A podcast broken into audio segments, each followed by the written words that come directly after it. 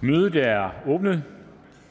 Epidemiudvalget har afgivet beretning om ophævelse af restriktioner for højskoler, så eleverne kan vende straks tilbage.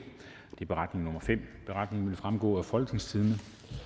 Det første punkt på dagsordenen er hasteforspørgsel nummer F 23, forspørgsel til statsministeren om, hvornår regeringen vil indkalde til forhandlinger om en sundhedsreform af hr. Martin Giersen Venstre, Liselotte Blix Dansk Folkeparti, Per Larsen Konservativ Folkeparti, Lars Bøge Mathisen Nye Borgerlige og Henrik Dahl Liberal Alliance.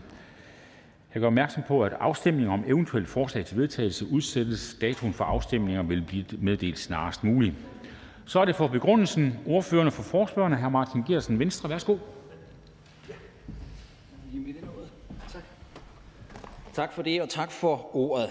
Den 7. februar 2020 der kom der et fælles opråb fra KL, Danske Regioner, PLO, Yngre Læger, Overlægeforeningen, FOA, HK, Sundhedskartellet med det klare budskab, at der er behov for en reform af sundhedsvæsenet. Nu står vi her to år efter, og der har stadig ikke været indkaldt til forhandlinger om den sundhedsreform, som, vores aktører, som aktørerne i vores sundhedsvæsen hungrer efter. Gentagende gange er vi blevet lovet af både statsministeren og sundhedsministeren, at nu var forhandlingerne lige om hjørnet. Nu skulle vi i gang. I forbindelse med Folketingets åbningsdebat i oktober 2020 sagde statsministeren blandt meget andet: Lad os lave en sundhedsaftale næste år, og lad os lave den bredt. Vi har brug for en sundhedsreform. Vi har et sundhedsvæsen, hvor personalet er dygtigt, men der mangler desværre sammenhæng mellem kommuner og sygehuse. Men der er desværre ikke sket noget. Vi yder mere ærgerlige over, at statsministeren i sin nytårstale valgte at udskyde en forhandling om en sundhedsreform, og det oven i købet på ubestemt tid. Og når vi er så ærgerlige og utålmodige, så er det fordi, at det danske sundhedsvæsen har behov for en reform. Patienter og personale har behov for, at knapperne bliver stillet rigtigt i det danske sundhedsvæsen. Og hele forarbejdet er jo lavet. Analyserne de ligger der. Det sørgede den tidligere regering for. Så er der efter vores opfattelse ikke noget at betænke sig på. Regeringen undskylder sig med, at vi jo har haft en pandemi, men det har vi jo for det første ikke i samfundet to og et halvt år, den her regering har haft magten, og for det andet så illustrerer pandemiens indvirkning på sundhedsvæsenet, at det haster med at komme i gang. Sygehusvæsenet er presset, det ser vi for tiden, og det går ikke, og det går ikke over, fordi vi venter. Tværtimod så kommer det til at ramme patienter og personale hårdere og hårdere, jo længere tid vi venter. Jeg skal vende tilbage til det i min ordførertale, men hele pointen i en reform bør være at aflaste sygehusene og aflaste personalet på sygehusene, så de i højere grad har kræfter og ressourcer til at tage sig af de patienter, som virkelig har behov for den højt specialiserede behandling. Det skal vi gøre ved, at vi styrker det nære sundhedsvæsen, altså alt det udenom sygehusene. Vi synes, det er en undladelsessynd, at regeringen fortsat ikke har fået gjort noget ved en robustgørelse af det danske sundhedsvæsen. Jeg ser frem til debatten om dette vigtige tema. Tak for det. Det var begrundelsen, og så går vi over til besvarelsen, når vi lige har fået spredt lidt af.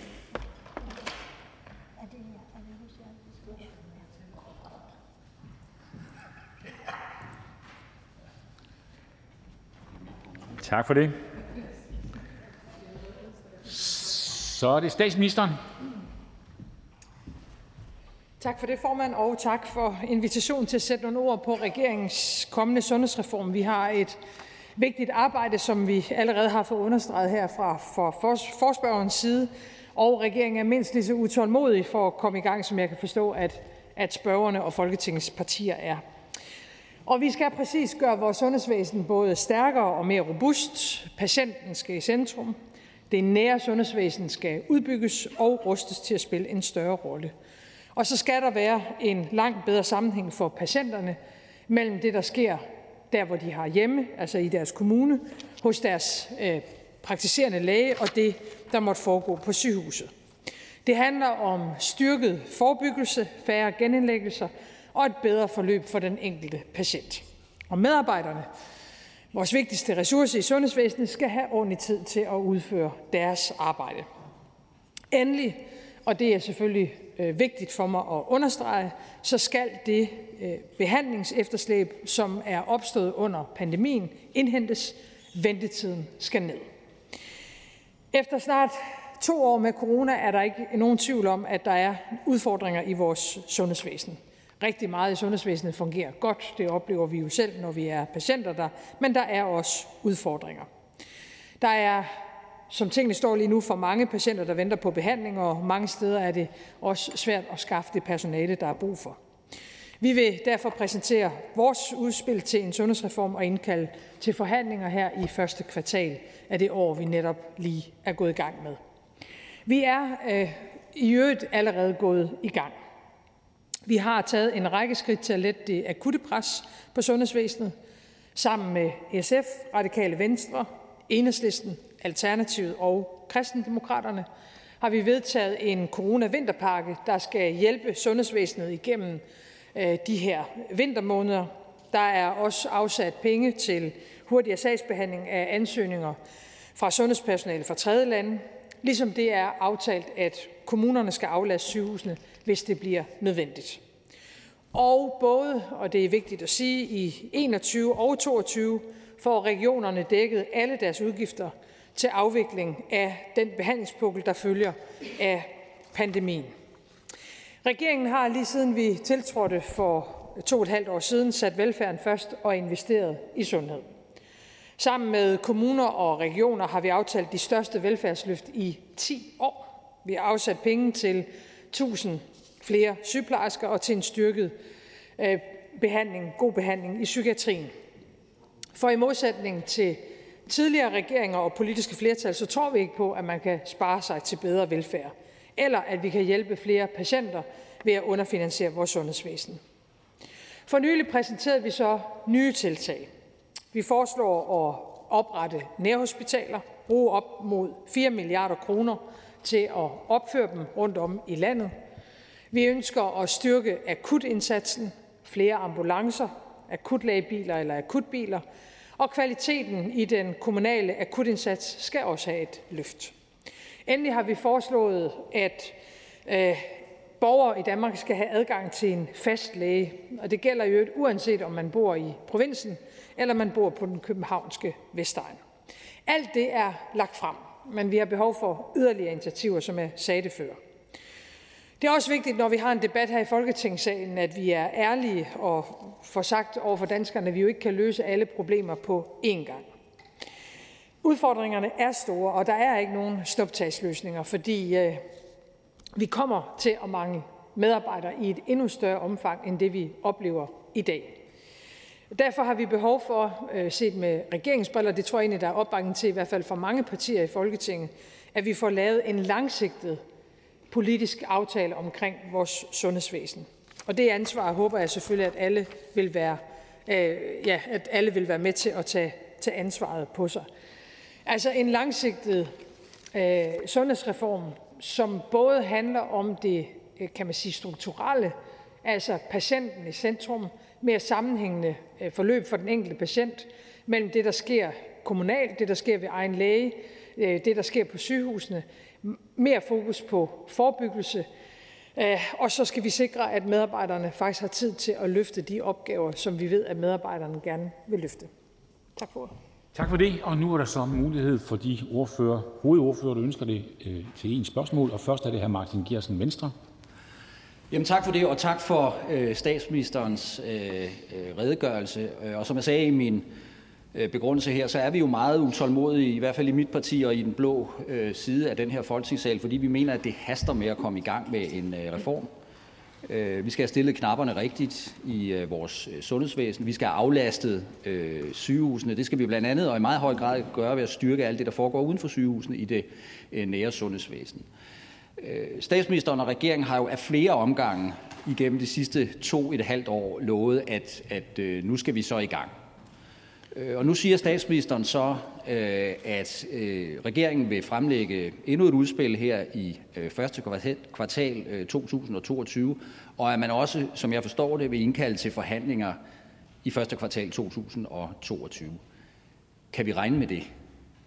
Og når jeg spørger, så er det fordi, at regeringen flere gange har lovet det samme, uden det rigtigt er blevet til noget. Kan vi regne med det her, at I regeringen indkalder uanset hvad?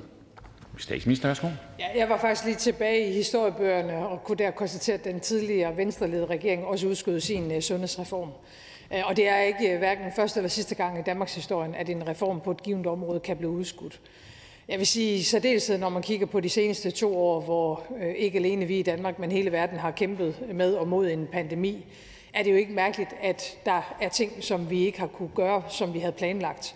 Det ændrer jo ikke på, at vi har behov for en sundhedsreform, og når jeg lytter til de indledende ord fra venstre side i dag, og øh, nu skal jeg jo ikke tage nu skal jeg jo ikke skrive, hvad der bliver sagt i debatten i dag, men jeg har da noteret mig også, hvad, hvad partier, der er er tættere på os, ofte siger på sundhedsområdet, så synes jeg jo i virkeligheden, det indikerer, at vi har meget den samme analyse af, hvad det er, der er nogle af problemerne i sundhedsvæsenet, og derfor tror jeg da så også på, at vi kan få lavet en, en bred aftale. Det vil være godt. Så er det fru Liselotte Blix, Dansk Folkeparti. Mange tak, og tak til statsministeren for at sætte øh, et tidsperspektiv på, hvornår vi kan begynde at tale om det. Men, men det var jo sådan, at statsministeren i nytårstalen sagde, at, at det ikke var tid til at gennemføre store forandringer på sundhedsvæsenet. Så det lød jo bare, som at skubbede det ud, og det gjorde jo også, at vi har flere sundhedsprofessorer. Vi har øh, formanden for Lægeforeningen, vi har danske regioner, der alle sammen siger, at vi kan ikke bruge coronakortet mere. Gør det ikke indtryk på statsministeren, at der faktisk er så mange professionelle fagfolk, der er uenige med statsministeren? Statsminister? Ja, en gang imellem er hukommelsen måske lidt kort. Altså når man tænker på, hvad vi har været igennem som samfund, og hvad vores sundhedsvæsen har været igennem, øh, så står jeg ved min ord om, at der havde det ikke været det rigtige også at gennemføre store strukturforandringer i sundhedsvæsenet. Og, i, og hvis vi kigger på mange af vores medarbejdere, så løber man jo for stærkt og, og har gjort det over en, en længere periode. Men nu er vi i en anden situation. Øh, mere end 90 procent af de plus 65-årige i Danmark øh, har nu fået det tredje stik øh, mod øh, øh, covid-19. Og selvom vi har Øh, stor smitte i Danmark og vil blive ved med at have det et stykke tid, måske også endda endnu større efter børnene heldigvis er kommet tilbage i skole, så har det ikke den afsmittende effekt på alvorlig sygdom og på øh, intensiv indlæggelser, som det havde til på grund af vaccinerne. Øh, og derfor er vi i en anden situation. Det er jo også derfor, vi forhåbentlig får løftet restriktionerne på store dele af kulturlivet. Og det gør selvfølgelig også, at nu skal vi så have den her sundhedsreform, som vi jo er gået i gang med i forhold til nærhospitaler eksempelvis. Men de andre ting skal vi også have med nu. Så er det Per Larsen, Konservativ Folkeparti. Tak for det, og tak til statsministeren Undskyld for at møde op her. Så har jeg et par spørgsmål. Jeg blev faktisk så glad, da jeg øh, hørte statsministeren, fordi vi tænker jo de samme ting. Vi ved det jo godt, altså hvor udfordringen de er, hvad det er for nogle problemer, vi står overfor. Øh, og en af de store udfordringer i forhold til at nå de der målsætninger i, øh, for at komme i mål, det er jo også, at der er personalemangel, øh, medarbejdermangel i stor udstrækning. Øh, Derfor bedrøver det mig faktisk også lidt, da jeg så, at øh, Arne-pensionen, øh, den største gruppe af dem, som øh, faktisk har søgt Arne-pensionen, det var rent faktisk sundheds- og plejepersonale. Men lad det nu ligge.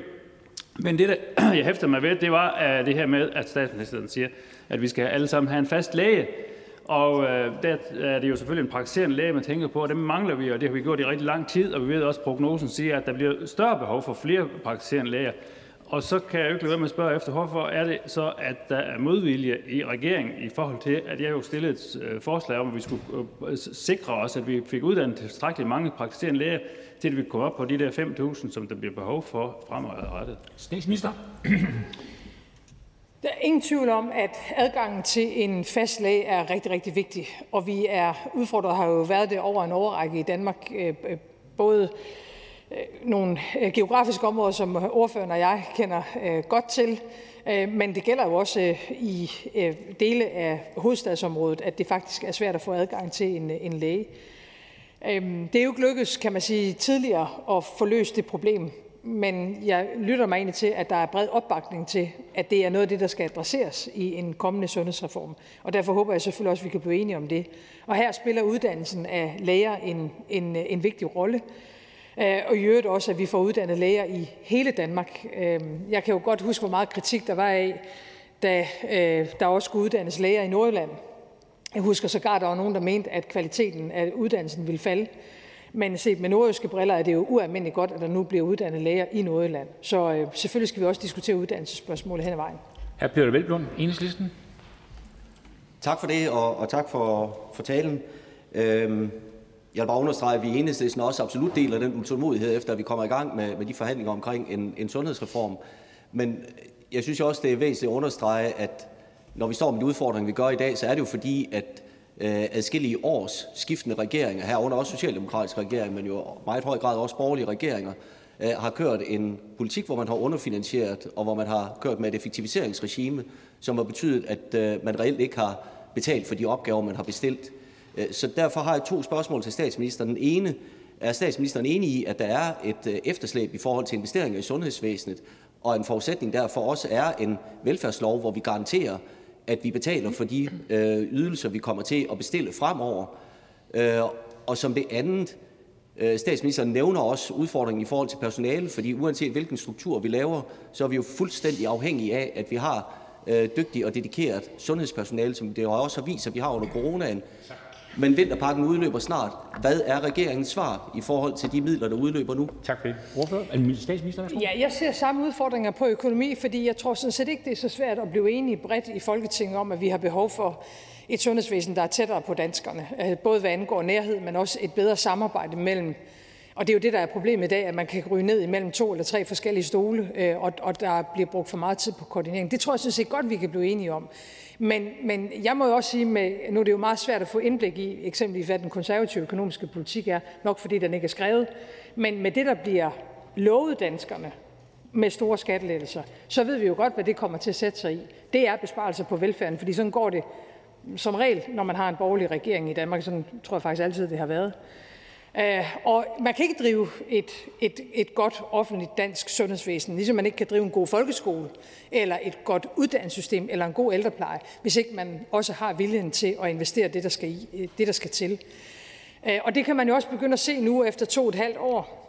I dag er der et politisk flertal i Danmark, der vælger at investere i uddannelse, og vi har med de aftaler, der er lavet med kommuner og regioner, også valgt at investere i den borgernære velfærd. Det er ikke nok, men vi er kommet godt derhen af. Er det her Lars Boje Mathiesen, Nye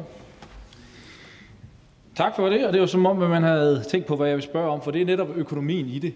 Øh, og der har vi jo fremlagt et finanslovsforslag, hvor vi netop investerer massivt i sundhedsvæsenet.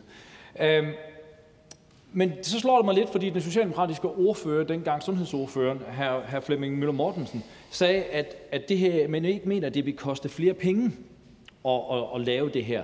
Jeg forstår godt, det vi lave, det koster en, en anlægsinvestering, men at det reelt set ikke i drift, så vil det betyde mere, fordi at man, man flytter nogle opgaver ud, og pengene følger med. Øh, og det bekymrer mig lidt. Jeg håber, at, at vi måske kan, kan sætte barn højere op, så vi også gerne vil have et, et, et, et løft øh, generelt set på det her. Så, så jeg bare spørge, om, om, det er, om det er rammen. Det, det er bare for at komme lidt nærmere på det. Om rammen er, at det her skal være gå i nul i, i driftsomkostninger, når man har lavet de anlægsinvesteringer, som jeg er helt med på, som der skal laves. Statsminister? Jeg går ikke rundt og hverken tror eller tænker, at vi løser alle problemer i det danske velfærdssamfund ved blot at tilføre flere penge. Det sagde jeg øh, i øvrigt også meget klart i min øh, nytårstale. Jeg tror, vi kan vinde rigtig, rigtig meget på alle velfærdsområder ved at komme af med det meget, meget omfattende øh, byråkrati, den meget omfattende øh, regulering af det, der foregår både øh, på skole- og uddannelsesområdet, børne-, ældre- og sundhedsområdet. Men man kan ikke stå i en situation med de demografiske forandringer, der sker i vores samfund, hvor vi både lever længere, der kommer flere ældre, samtidig med at der også bliver flere børn, men faldende ungdomsårgange, og påstå, at det ikke er nødvendigt at bruge flere penge i velfærdssamfundet. Det kan ikke lade sig gøre. Alternativet til det, det er besparelser.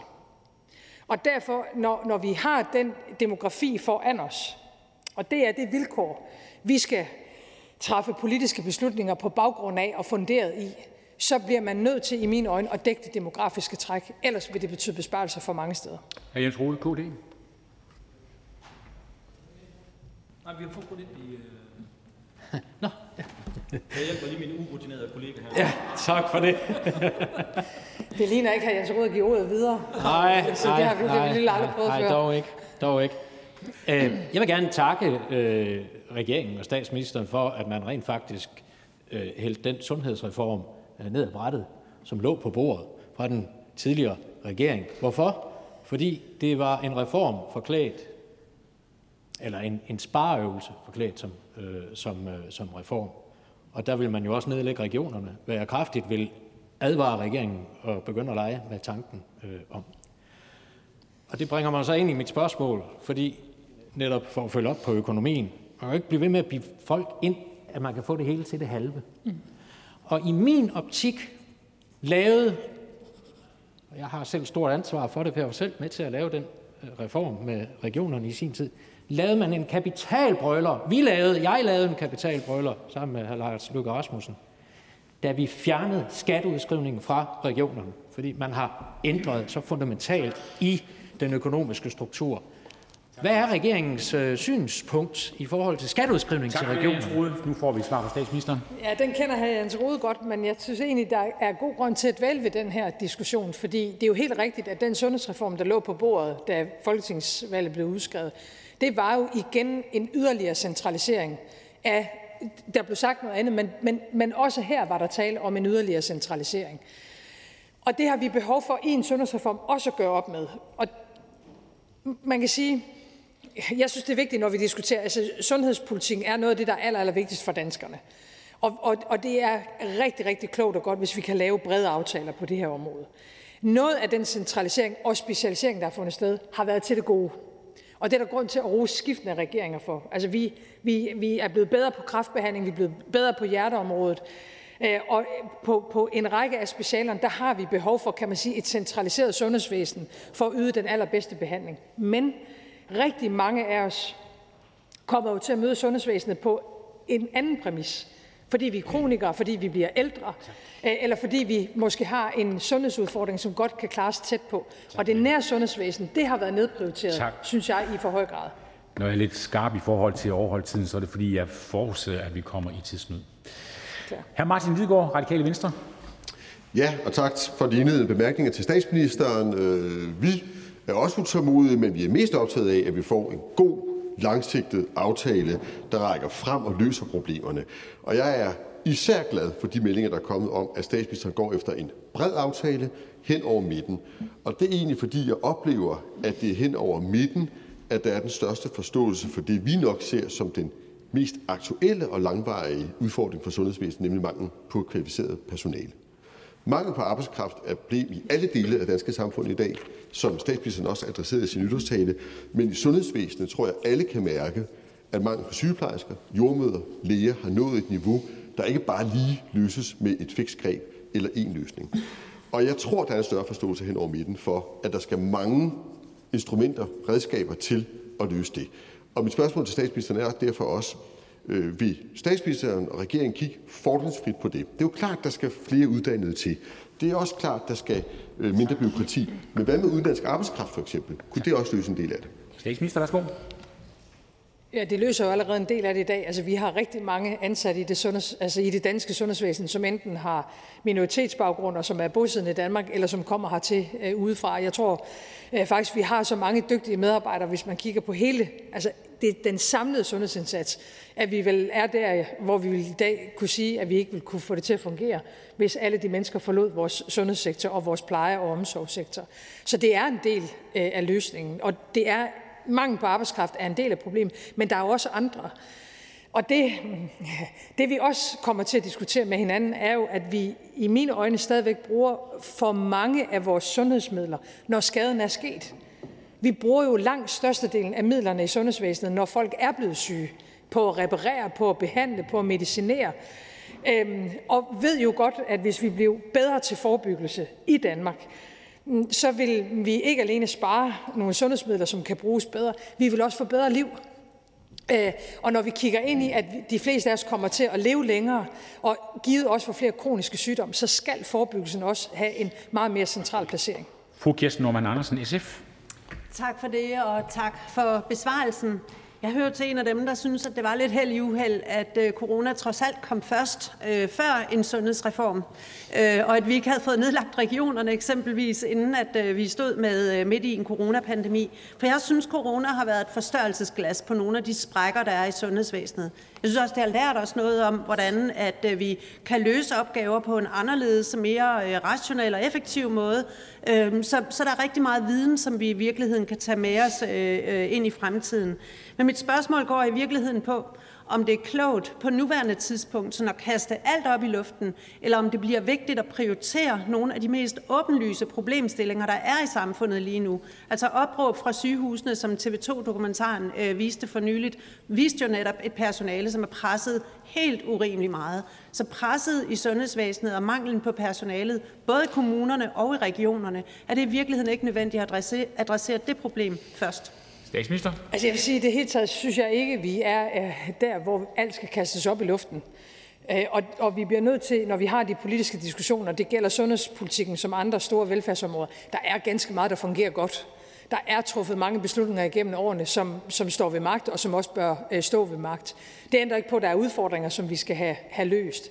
Jeg er meget enig i, at corona jo har været et forstørrelsesglas på os alle sammen, øh, og på vores evne til at håndtere Øh, svære situationer og udfordringer. Det har der også været i sundhedsvæsenet. Øhm, efter første bølge, øh, der gjorde jeg mig selv den umage at være rundt nogle steder i det danske sundhedsvæsen og, og snakkede med forskellige medarbejdergrupper om, hvad, hvad stod tilbage. Og en af de ting, der jeg tror faktisk blev nævnt flest gange, det var, at hierarkiet forsvandt under første bølge. Der var ikke forskel på at være sosu eller overlæge. Der var ikke nogen unødvendige møder. Der var ikke nogen processer. Og måske var det heller ikke altid, man levede op til alt det, som Folketinget har pålagt i sundhedsvæsenet, at man skal, fordi det var patienten, der var det eneste, der var vigtigt. Måske skulle vi også lære det. Tak til statsministeren. Der er ikke flere korte bemærkninger i denne omgang. Så at diskutere sundhedspolitik her i Folketinget. Det er rammen.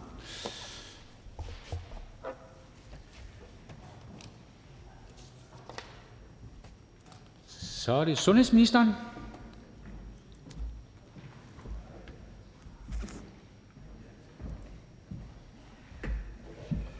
Tak for det, formand. Ja, tak for ordet. Øh, ja, altså et par ord først om corona-pandemien. Øh, øh den har vist nemlig, jeg er enig, det har været et forstørrelsesglas, og når det drejer sig om sundhedsvæsenet, så har den vist jo et meget, meget omstillingsparat sundhedsvæsen. Meget, meget positivt. Men den har også vist et sundhedsvæsen, som er udfordret, når det handler om robusthed, som er udfordret, når det handler om travle medarbejdere, som er udfordret, når det handler om at få flere opgaver, stigende pres, stigende patientpres. Og det udfordringer skylder vi medarbejderne en kæmpe stor tak for hver eneste dag, også i dag, at løse med stor fleksibilitet nye arbejdsopgaver. Øh, og øh, under de her øh, vilkår, de arbejder under i øjeblikket, jamen et meget, meget, meget stort pres. Og vi kan jo se, at det ikke kun Danmarks sundhedsvæsen, det er, og det kan jeg sige, jeg har ikke talt med, i hvert fald med en sundhedsminister, alle dem, jeg taler med øh, i den her tid, som ikke også fortæller mig om, øh, at deres sundhedsvæsen og deres sygehuse er enormt påvirket, medarbejdergrupper enormt påvirket af øh, de ekstra øh, øh arbejde og nye arbejdsformer og, og også ekstra pres, man har været under. Og der, der skal vi jo så være klar over, at det pres, vores danske sundhedsvæsen har været under, er jo i sammenligning med mange, mange andre lande, jamen så øh, ligger vores, øh, vores øh, epidemihåndtering og vores øh, belastning af sygehusvæsenet heldigvis jo, lykkeligvis på et, et meget mildere øh, grad, end hvad man ser andre steder. Øh, vi ser lige nu her jo Øh, igen for anden gang under pandemien en mild til moderat øh, overdødelighed, øh, som Berlingske gennemgår i dag, jamen så er det jo bedre end mange, mange andre lande, men det viser også meget godt jo, at vi her på vej ind i tredje år i, med covid-19, så, øh, så har vi altså den her tredje bølge, og takket være ikke mindst vores vaccineindsats og vores vaccineopbakning, så tyder den her bølge på at have et mildere forløb, øh, i hvert fald på vores øh, hospitaler. Men vi er ikke igennem endnu, og derfor er det min fokus, vores styrelses fokus, alle sundhedsvæsenets helt klare fokus lige nu og her i de her uger, at øh, komme igennem den her øh, tredje bølge på bedst mulig øh, måde, og hvor vores stærke fokus både i ledelserne, men også på øh, gulvet i klinikkerne, klinikkerne er at løse konkrete problemer. Øhm, hvis man så skruer tiden lidt længere tilbage og ser på, jamen, hvad har regeringen så foretaget sig siden sin tiltræden? Vi har fra start af, fra dag 1, været bevidste om, de økonomiske rammer for driften af sundhedsvæsenet er nødt til at følge med antallet af patienter. Det går ikke, at der kommer flere og flere patienter, men man ikke er klar til at, at følge med, fordi så skal medarbejderne bare løbe stærkere og stærkere, og så hænger det ikke sammen til sidst. Og hvis man, det er jo ikke kun noget, vi siger, det er noget, man kan se konkret i de økonomiaftaler, der er lavet med Øh, øh, kommuner og regioner, øh, der kan vi se, der har vi altså løftet konkret de sidste tre økonomiaftaler, som vi har stået for, løftet med samlet 8,6 milliarder. Et helt andet markant niveau, end hvad man har været vant til tidligere. Og derudover kommer jo så de aftale, de penge, som er sat af, de investeringer, der er sat af sammen med aftalepartierne i finansloven. Senest var det jo denne her ene milliard kroner, vi satte af til corona-vinterpakken, netop for at styrke robustheden, netop for at hjælpe medarbejdere og ledelser med at kunne komme igennem bedst muligt, øh, således at vores øh, patienter kommer igennem øh, bedst muligt denne her vinter.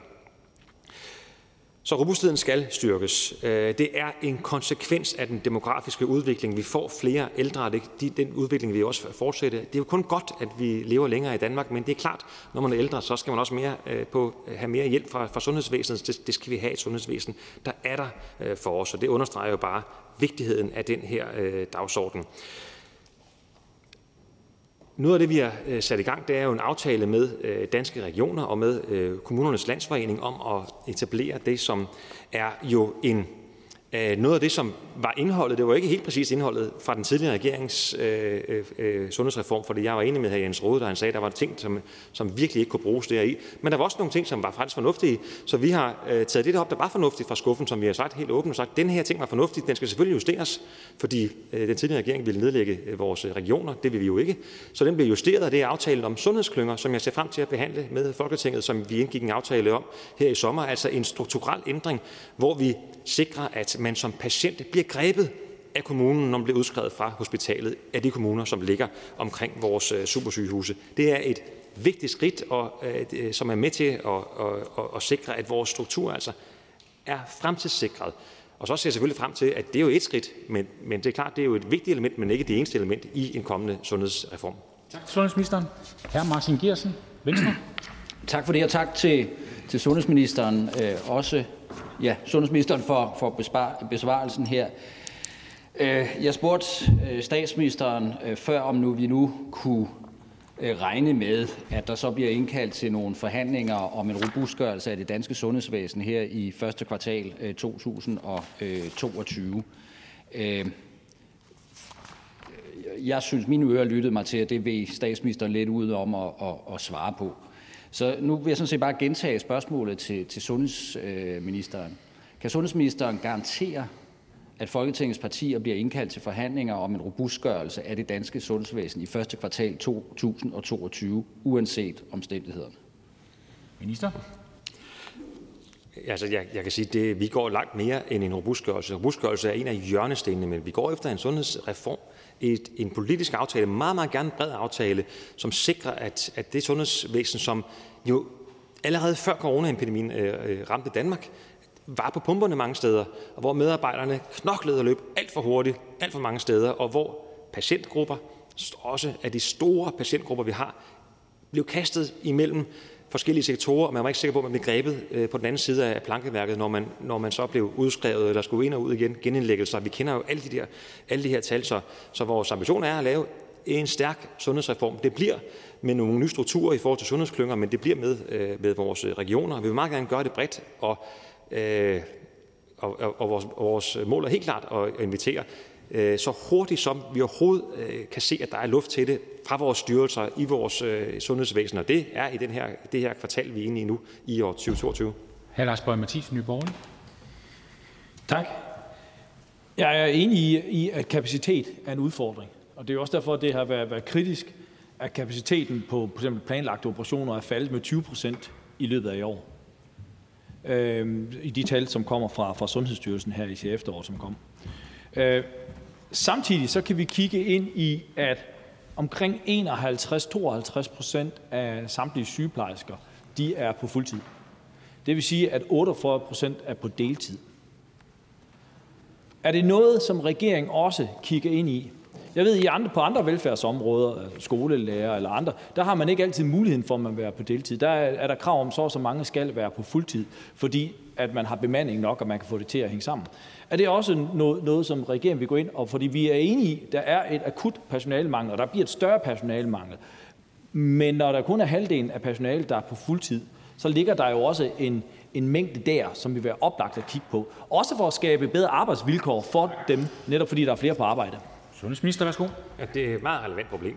Tak for at bringe det op. Det er et relevant problem. Når jeg taler med Øh, og det er jo ikke kun sygeplejersker, men vi kan se, for vi kan oversende tallene fra forskellige medarbejdergrupper, øh, men sygeplejerskerne er en af de medarbejdergrupper, hvor der er mange, der er på, på nedsat tid, så forklarer de jo, jamen grund til, at de er det, det er simpelthen, fordi det er så presset og så travlhed, og de kan ikke sådan set følge med, hvis de også skal kunne trække vejret derhjemme, øh, hvis de ikke går lidt ned i tid. Og det er jo et symptom for mig at se på, at det er for meget pres, for lang tid. Der er kommet flere opgaver, flere patienter, midlerne er ikke fuldt med, og så har vi øh, situationen, hvor man løber så stærkt, at man er nødt til at gå ned i tid for at kunne følge med.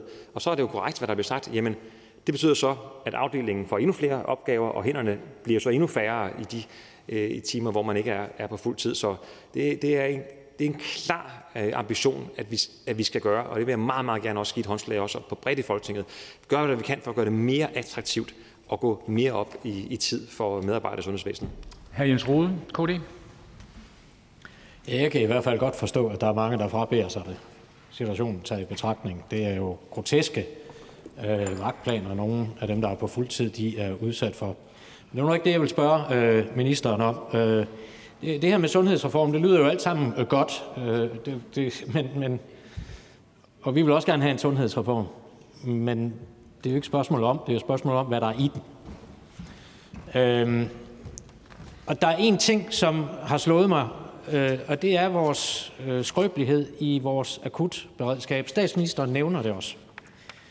Øh, man kunne jo godt forestille sig, eller have forestillet sig, sådan lidt kontrafaktisk, at hvis vi nu havde haft et mere robust akutberedskab, at så havde vi ikke behøvet så mange restriktioner øh, i forhold til covid-19, fordi det er jo meget det, vi indretter vores restriktioner efter. Øh, hvilke tanker gør regeringen sig om, at skabe et stærkere beredskab? Så er det sundhedsministeren. Værsgo. Ja, jeg har prøvet at svare på det på sådan et minut, og det, det ved jeg, at ordføreren har øh, trænet den disciplin, og det er lidt vanskeligt. Noget af det, man, noget af det som vi har spillet ud med i det, udspil, det deludspil, vi, vi kom med i efteråret til en kommende øh, sundhedsreform, jamen det er øh, en stærkere grad af at forebygge de akutte genindlæggelser, som jo i den grad belaster patienten. Det er jo mange ældre medicinske patienter, som 30 dage efter de bliver udskrevet, så bliver det genindlagt. Og det kender vi jo selv. Det, det er også, når vi har familie og pårørende, meget ofte ind og ud af sygehuset. Meget utrygt for den enkelte, for pårørende, og jo også en stor belastning øh, optager en seng. Og der kan man, øh, det er jo typisk temmelig banale sygdomme, altså det, det blærebetændelse, øh, dehydrering, det kan være temmelig banale ting, som man faktisk godt kan rykke hjem hos den enkelte ældres øh, lejlighed, soveværelset, komme hjem til dem øh, som en akut sygeplejerske ud fra, øh, fra sygehuset, fra kommunen i et samarbejde og, og hjælpe til. Og det forebygger de akutte genindlæggelser, og på den måde robustgør det jo også sundhedsvæsenets akut indsats. Fru Kirsten Norman Andersen, SF. Tak for det. Øh, statsministeren nåede lige at svare sidst, at hierarkiet forsvandt. Det er jeg også enormt optaget af. Jeg synes, det var fantastisk at opleve under corona, at tværfaglighed det blev dagens ret, øh, og det skete uden konsulenthjælp og alt muligt andet. Jeg synes, det var skønt at opleve, at der var patienter, der nogle gange blev raske, mens de ventede på operation. Det vidner om, at øh, vores, vores øh, retningslinjer måske ikke altid er så kloge, som vi godt kunne tænke os. Og jeg synes, det har været fantastisk at opleve, at borgere har taget ansvar for hele epidemien og for deres egen helbredssituation og sundhed og forebyggelse og alt muligt andet. Men, det, men, men corona har bare også vist et enormt presset sundhedsvæsen. Blandt personalet har der været, øh, har der været et stort pres øh, på i hverdagen, og hvis vi ikke skal kaste alt op i luften, og det er jeg glad for, at statsministeren sagde, at vi ikke nødvendigvis skal, øh, giver det så ikke mening, at vi prøver at fokusere med nålestiksoperationer i forhold til øh, det pressede sundhedspersonale primært? Sundhedsminister, værsgo. Jo, jo det, det gør det. Og, øhm, og altså, der er et stort pres af, af mange, mange historiske årsager, men også aktuelle årsager i vores, i vores sundhedsvæsen øh, sundhedsvæsenet i Danmark, at hvis man måler i forhold til udlandet, jamen der er en høj effektivitet. Vi får rigtig meget for vores sundhedskroner. Når man, I forhold til, hvad vi bruger på BNP, hvad vi får ud af det, jamen der ligger vi temmelig godt. Men man må også sige, når danskerne er gået igennem altså ild og vand og skrue ned for deres sociale aktiviteter og alt, hvad vi gør igennem den her coronaepidemi, øh, jamen det er jo for at redde vores sundhedsvæsen igennem. Det betyder så meget for os alle sammen. Øh, og, og der må man sige, at, at vores medarbejdere i sundhedsvæsenet på alle øh, hylder var lige vil sige, jamen der, der er ting, som ikke hænger sammen, og nu går den gaffatape ikke længere. Og derfor så for mig at se, så er noget af det, vi skal tage fat på, det er at styrke den ledelse, der er tæt på medarbejderne. Den led, jeg mener ikke nødvendigvis, selvfølgelig kan man også styrke ledelsen helt i toppen, men i hvert fald den ledelse, der er tæt på medarbejderne, så medarbejderne oplever reelt, at der kommer tilbagemeldinger på det arbejde, de laver. Lise Lotte Blix, Dansk Folkeparti. Ja, mange tak, og tak til sundhedsministeren for, for talen, som er jo en gentagelse af meget af det, vi hører. Jeg synes, når man lytter til, hvor slemt det står til, og at man ikke kan gøre så meget andet, at man glemmer, hvad man selv har gjort, at man ikke har lyttet til de sygeplejersker, der har stået hernede og strækket, og som har sagt, at der er et kaos derude. Der er en grund til, at man ikke kan køre fuld tid. Og hvis man er i tvivl om det fra nogen herinde, der bare mener, at man skal på fuld tid, så burde man måske tage en måned i praktik på et sygehus, arbejde i skiftende øh, arbejdstider og komme hjem til en familie, man skal passe måske være enlig mor eller far, og så prøve at se, hvordan man så hænger sammen. Jeg vil sige, det er værre end at have 80 timer herinde i Folketinget. Men øh, hvor var støtten fra regeringen til de sygeplejersker, som netop er skyldige nu, at vi ikke kan have det sundhedsvæsen med alle de sygeplejersker, der skulle til for at hjælpe? Nogle gange, når vi hører både statsministeren og sundhedsministeren tale, så handler det om, at de skal op på fuld tid og alt muligt andet, det er deres skyld. Nej, Tak for der er nogen herinde, der skal tage ansvar. Sundhedsminister, værsgo. Ja, man har hørt meget dårligt efter, hvis man synes, at, at jeg eller andre har sagt, at, at det skulle være sygeplejerskers skyld, det her. Altså det, vi jo netop har fremhævet, det er, at, at noget af det første, vi gjorde i vores første øh, finanslov, det var jo at sætte midler af, så vi får flere sygeplejersker. Det var en klar Øh, analyse af situationen. Der mangler sygeplejersker, de mangler kolleger. De mangler simpelthen kolleger, og, det, og vi satte midler af til det. Jeg kan faktisk huske, at der var temmelig mange, der mente, det var en urealistisk mission, vi satte os på, at få skaffet 1000 sygeplejersker. Men når man så går op, og det, har vi jo, det er jo offentlige tal, så kan man se, at vi øh, halvandet år efter vi satte pengene af, altså ved sommeren, øh, målingen der, vi lavede antal medarbejdere i sundhedsvæsenet, sygeplejersker, sommeren øh, 2021, der nåede vi faktisk i øh, fuldtidsbeskæftigede i helårsstillinger, nåede vi øh, 1000 øh, ekstra. Og det vil sige, den indsats det er jo ikke, kan ikke stå alene. Der skal masser af andet til. Men det er en klar prioritet for den her regering. Også en, en klar øh, øh, opgradering af investering i sundhedsvæsenet, i sygeplejerskerne, at vi fik øh, nogle flere sygeplejersker. Hr. Peter Velblom, Enhedslisten. Tak for det, og tak til, til sundhedsministeren for talen. Øhm, man kan sige, at hvis man gerne vil øge rekrutteringen af sygeplejersker, øh, Øh, så skulle man nok ikke have lavet det indgreb i sygeplejerskekonflikten, som regeringen gjorde sammen med et flertal her i Folketinget. Øh, fordi hvis vi ser på nu, hvad det har haft af konsekvenser i forhold til, øh, at, øh, at vi nu står med store problemer i forhold til at rekruttere personale, ikke kun sygeplejersker, men også sosuer, øh, også for andre faggrupper i sundhedsvæsenet, så har det jo haft nogle temmelig dramatiske konsekvenser. Og derfor vil jeg godt spørge sundhedsministeren efter, nu lykkedes det jo at, presse regeringen til, også i finanslovsforhandlinger, at vi fik vedtaget den her vinterpakke, øh, hvor vi kunne give øh, 1 milliard til et midlertidigt løft til fastholdelse og rekruttering i sundhedsvæsenet. De midler er jo ved at være brugt op, eller bliver det i hvert fald her i løbet af, af januar og februar måned. Hvad er svaret så? Fordi det er jo en strukturel udfordring, vi står med. Det er jo ikke kun en coronabaseret udfordring. Det er en strukturel udfordring i forhold til at fastholde og rekruttere personale. Hvad har regeringen tænkt sig for at gøre, for at sikre, at vi kan, vi kan opretholde den rekruttering? Sundhedsministeren? Ja, det er en vinterpakke. Det er en coronavinterpakke, og den skal, det er rigtigt, den vil blive brugt op i løbet af den her vinter. Det er præcis øh, efter planen. Derudover har vi jo så øh, fra regeringens side aftalt med danske regioner, at at der, det, når så den her øh, bølge er begyndt at ebbe ud, og det ser vi sæsoneffekt, alt det vi kender, jamen øh, så er der jo en kæmpe opgave, der handler om at få øh, de her ventelister nedbragt så hurtigt som overhovedet muligt, og bruge al kapacitet privat, offentligt, alt hvad vi kan, til at få det ventelister nedlagt. Og der har vi jo øh, aftalt med vores regioner, at det koster også nogle penge, og koster nogle ekstra penge. Øh, og der har vi aftalt, at den regning samler vi op, og vi finansierer øh, øh, fra statskassens side finansierer vi, og det er jo øh, øh, en aftale mellem Finansministeriet og, og Danske Regioner, finansierer vi den ekstra indsats, som skal ske, når vi er færdige med at håndtere øh, selve den aktuelle coronasituation her i den her vinterbølge. Hr. Pierre Larsen, Konservativ Folkeparti.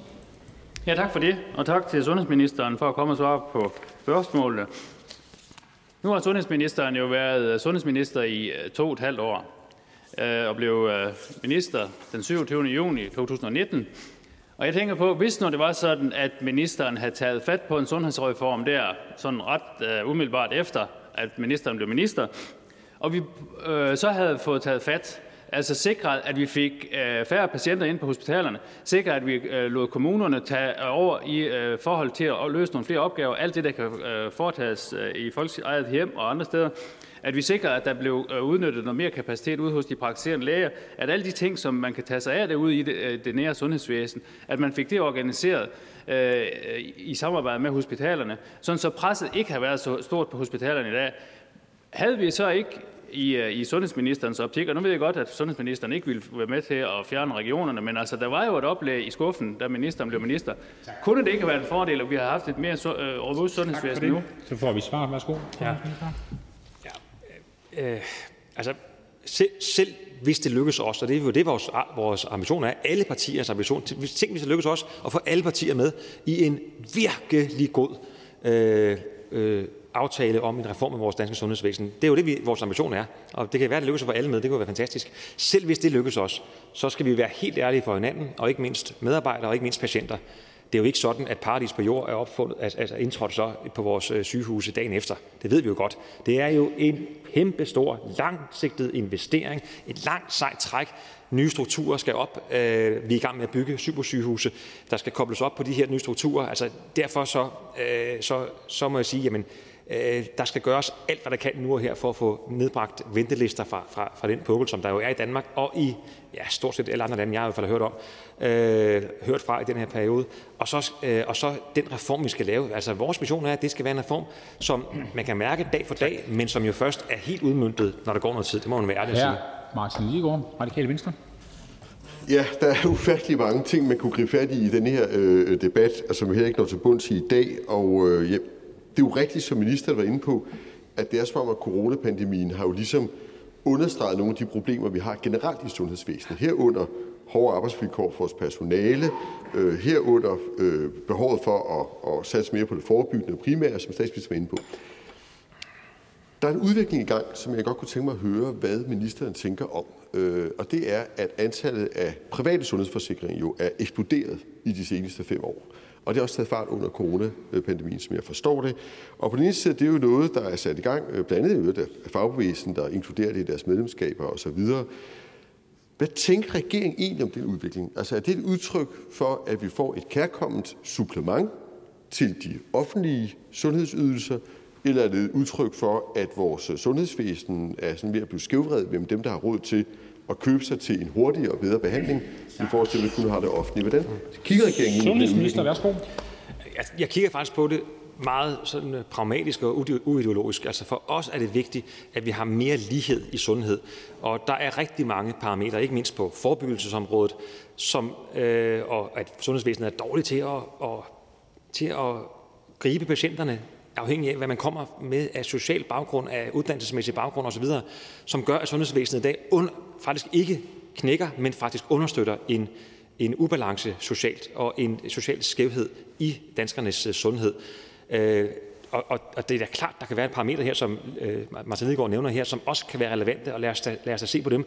Det er ikke den største driver i øh, ulighed i sundhed. Altså, Øh, privathospitalerne de står for cirka 5 procent af den samlede hospitalskapacitet. Så det er en, det er en temmelig øh, begrænset øh, indsats, og vi bruger det jo lige nu. Har vi jo lavet aftaler, hele Danmarks, øh, alle Danmarks regioner har jo lavet aftaler med de private hospitaler om at bruge deres kapacitet øh, i den her pressede tid. På den måde er det jo en del, vigtig del af vores danske kapacitet. Tak til sundhedsministeren. Der er ikke flere korte bemærkninger. Så vil jeg gerne se, om vi kan forventningsafstemme med hinanden. Øh, jeg har været lidt skarp i forhold til tiden, og det er fordi, at øh, nu har vi brugt øh, 48 minutter. Vi har frem til kl. 15. Der er 11 ordfører for partierne, som hver skal have 4 minutter. Hvis vi så skal have statsministeren og sundhedsministeren på talerstolen igen, så kan man godt begynde at regne ud, at så er der ikke meget tid til kort bemærkninger. Og jeg vil bare sige, at der vil være maks 10 kort bemærkninger i hele debatten. Ellers sker der en af to ting. Øh, der er ordfører, som ikke får ordet. Det synes jeg måske ikke er, er så rimeligt. Og derfor skal vi enten sammen finde ud af det her, ellers må jeg afskære nogen fra at få korte bemærkninger. Det er sådan forholdene er. Her Martin Gersen, således oplyst.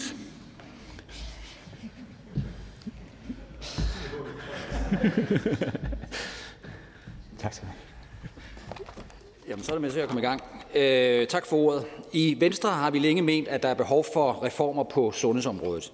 Den tidligere regering indgik i 2019 en aftale med Dansk Folkeparti om en reform af sundhedsvæsenet. Det valgte den nuværende regering så at skrotte uden at sætte noget i stedet.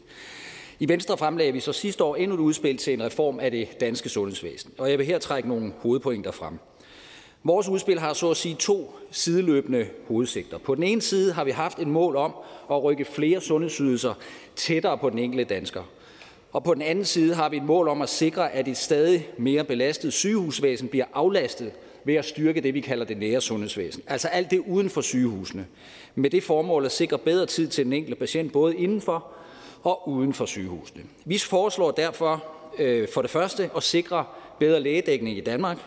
Vi har en målsætning om, at der senest i 2035 skal være øh, 5.000 praktiserende læger i Danmark. På den lidt kortere bane, der vil vi via forskellige økonomiske incitamenter sørge for, at almen praksis, om jeg så må sige, kan levere mere. Dermed får vi også styrket det frie valg, så den enkelte dansker får større muligheder, når det kommer til valg af læge.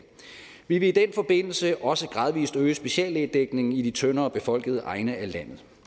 Vi ønsker også at styrke den kommunale del af det danske sundhedsvæsen, dels med det formål at mindske antallet af genindlæggelser, og dels med det formål at minimere antallet af indlæggelser i det hele taget. Jeg synes, vi skal have den øh, målsætning, at flere undgår egentlig hospitalsindlæggelse. Så morsomt er det trods alt heller ikke at ligge på hospitalet.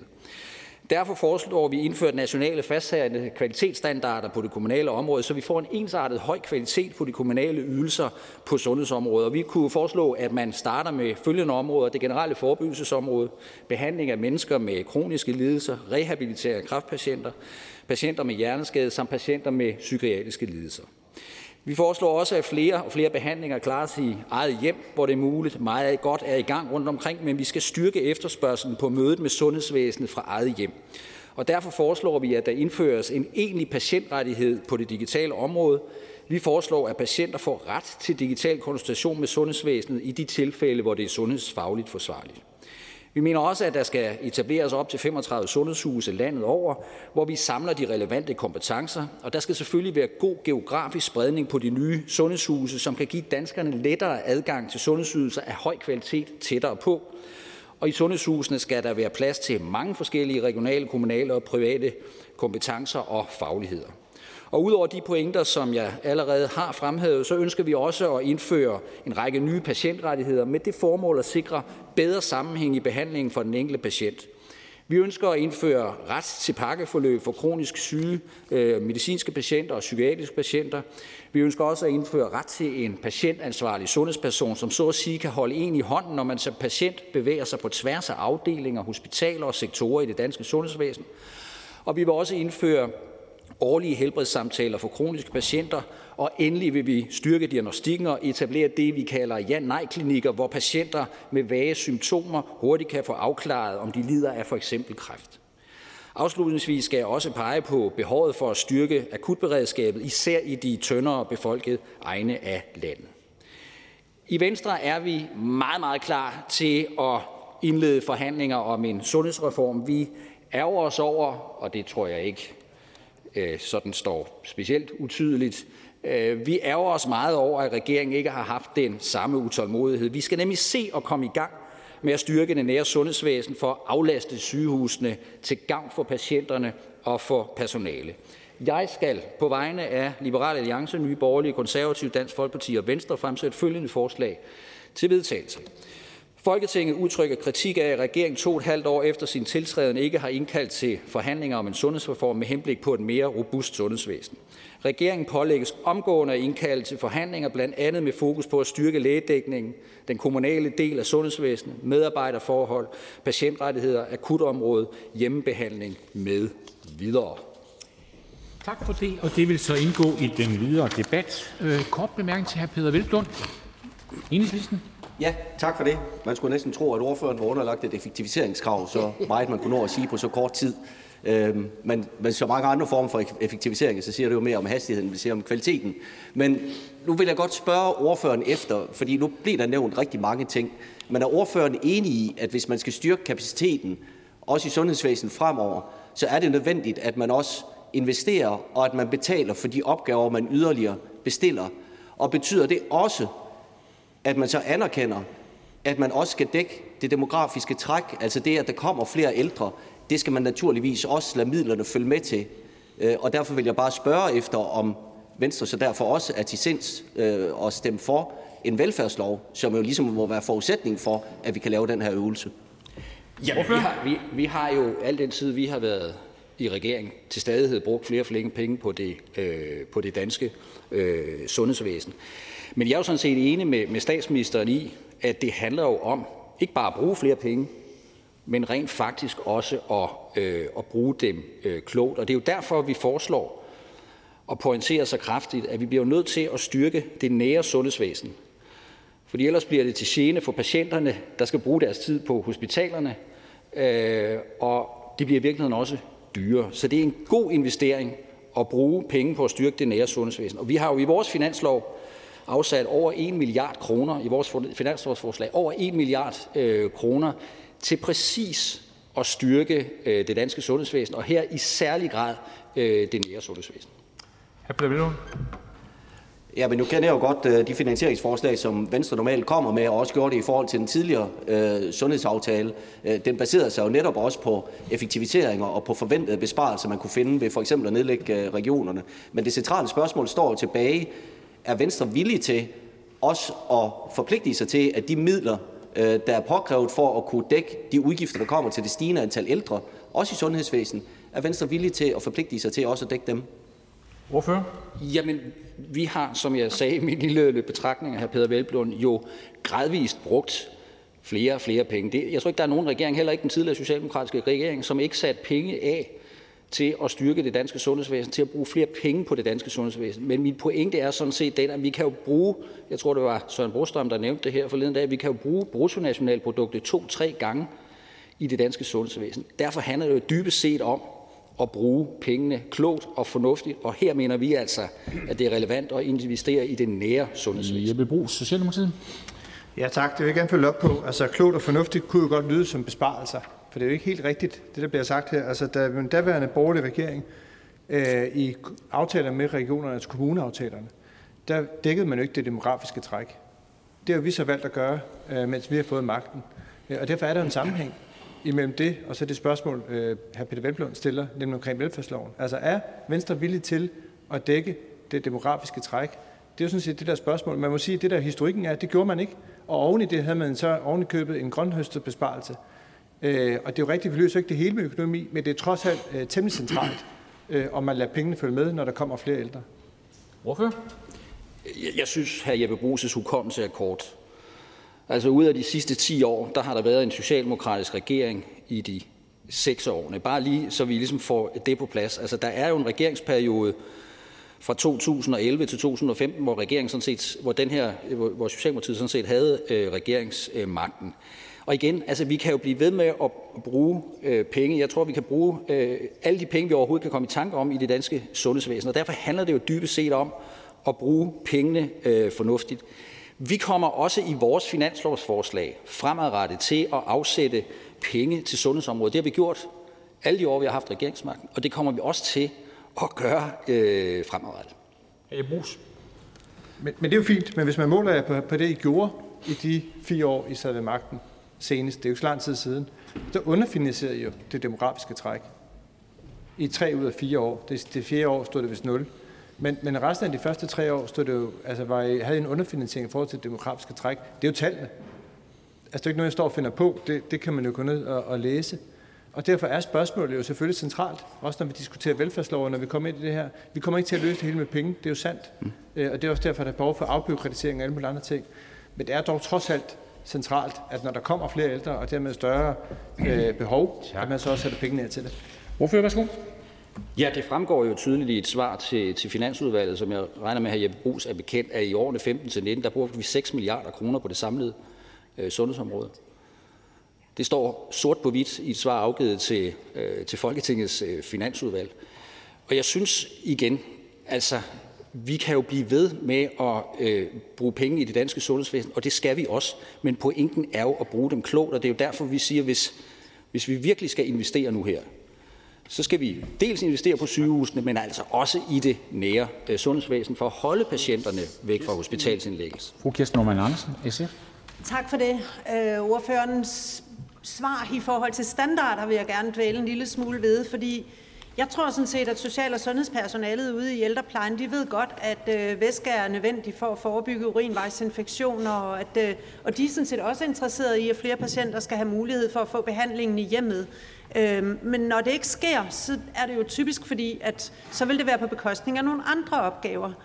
Jeg undrer mig over, at øh, kommuner og regioner, som ordføreren jo også repræsenterer, øhm, at, at, at der er den her uenighed om, hvorfor kan man ikke blive enige om, hvordan man løser opgaven i fællesskabet? Hvad er det i de nuværende samarbejdsstrukturer, der gør, at man ikke for længst har fundet en løsning på, hvordan man sikrer øh, patientpleje på patientens betingelser, sådan så man også kan få behandlingen derhjemme?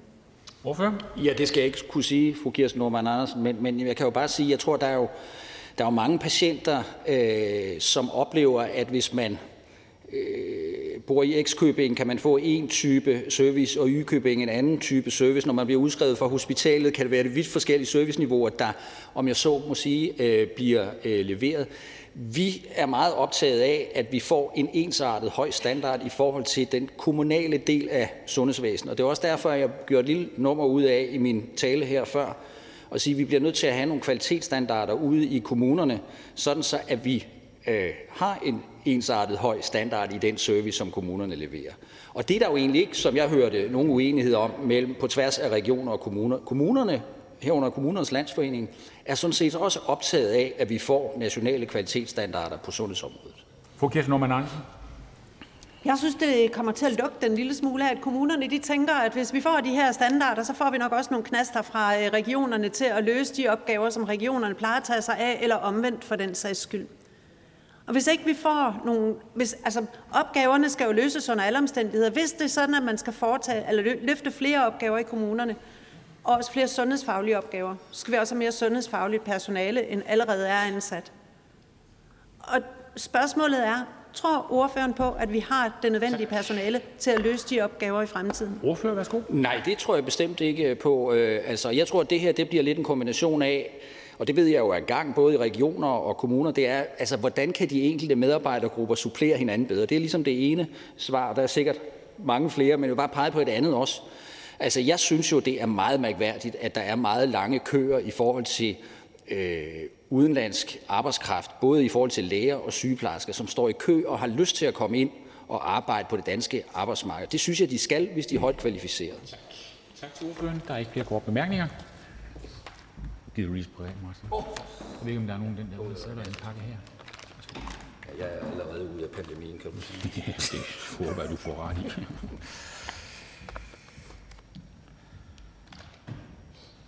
Tak for det. Og så er det hr. Jeppe Bruus, Socialdemokratiet.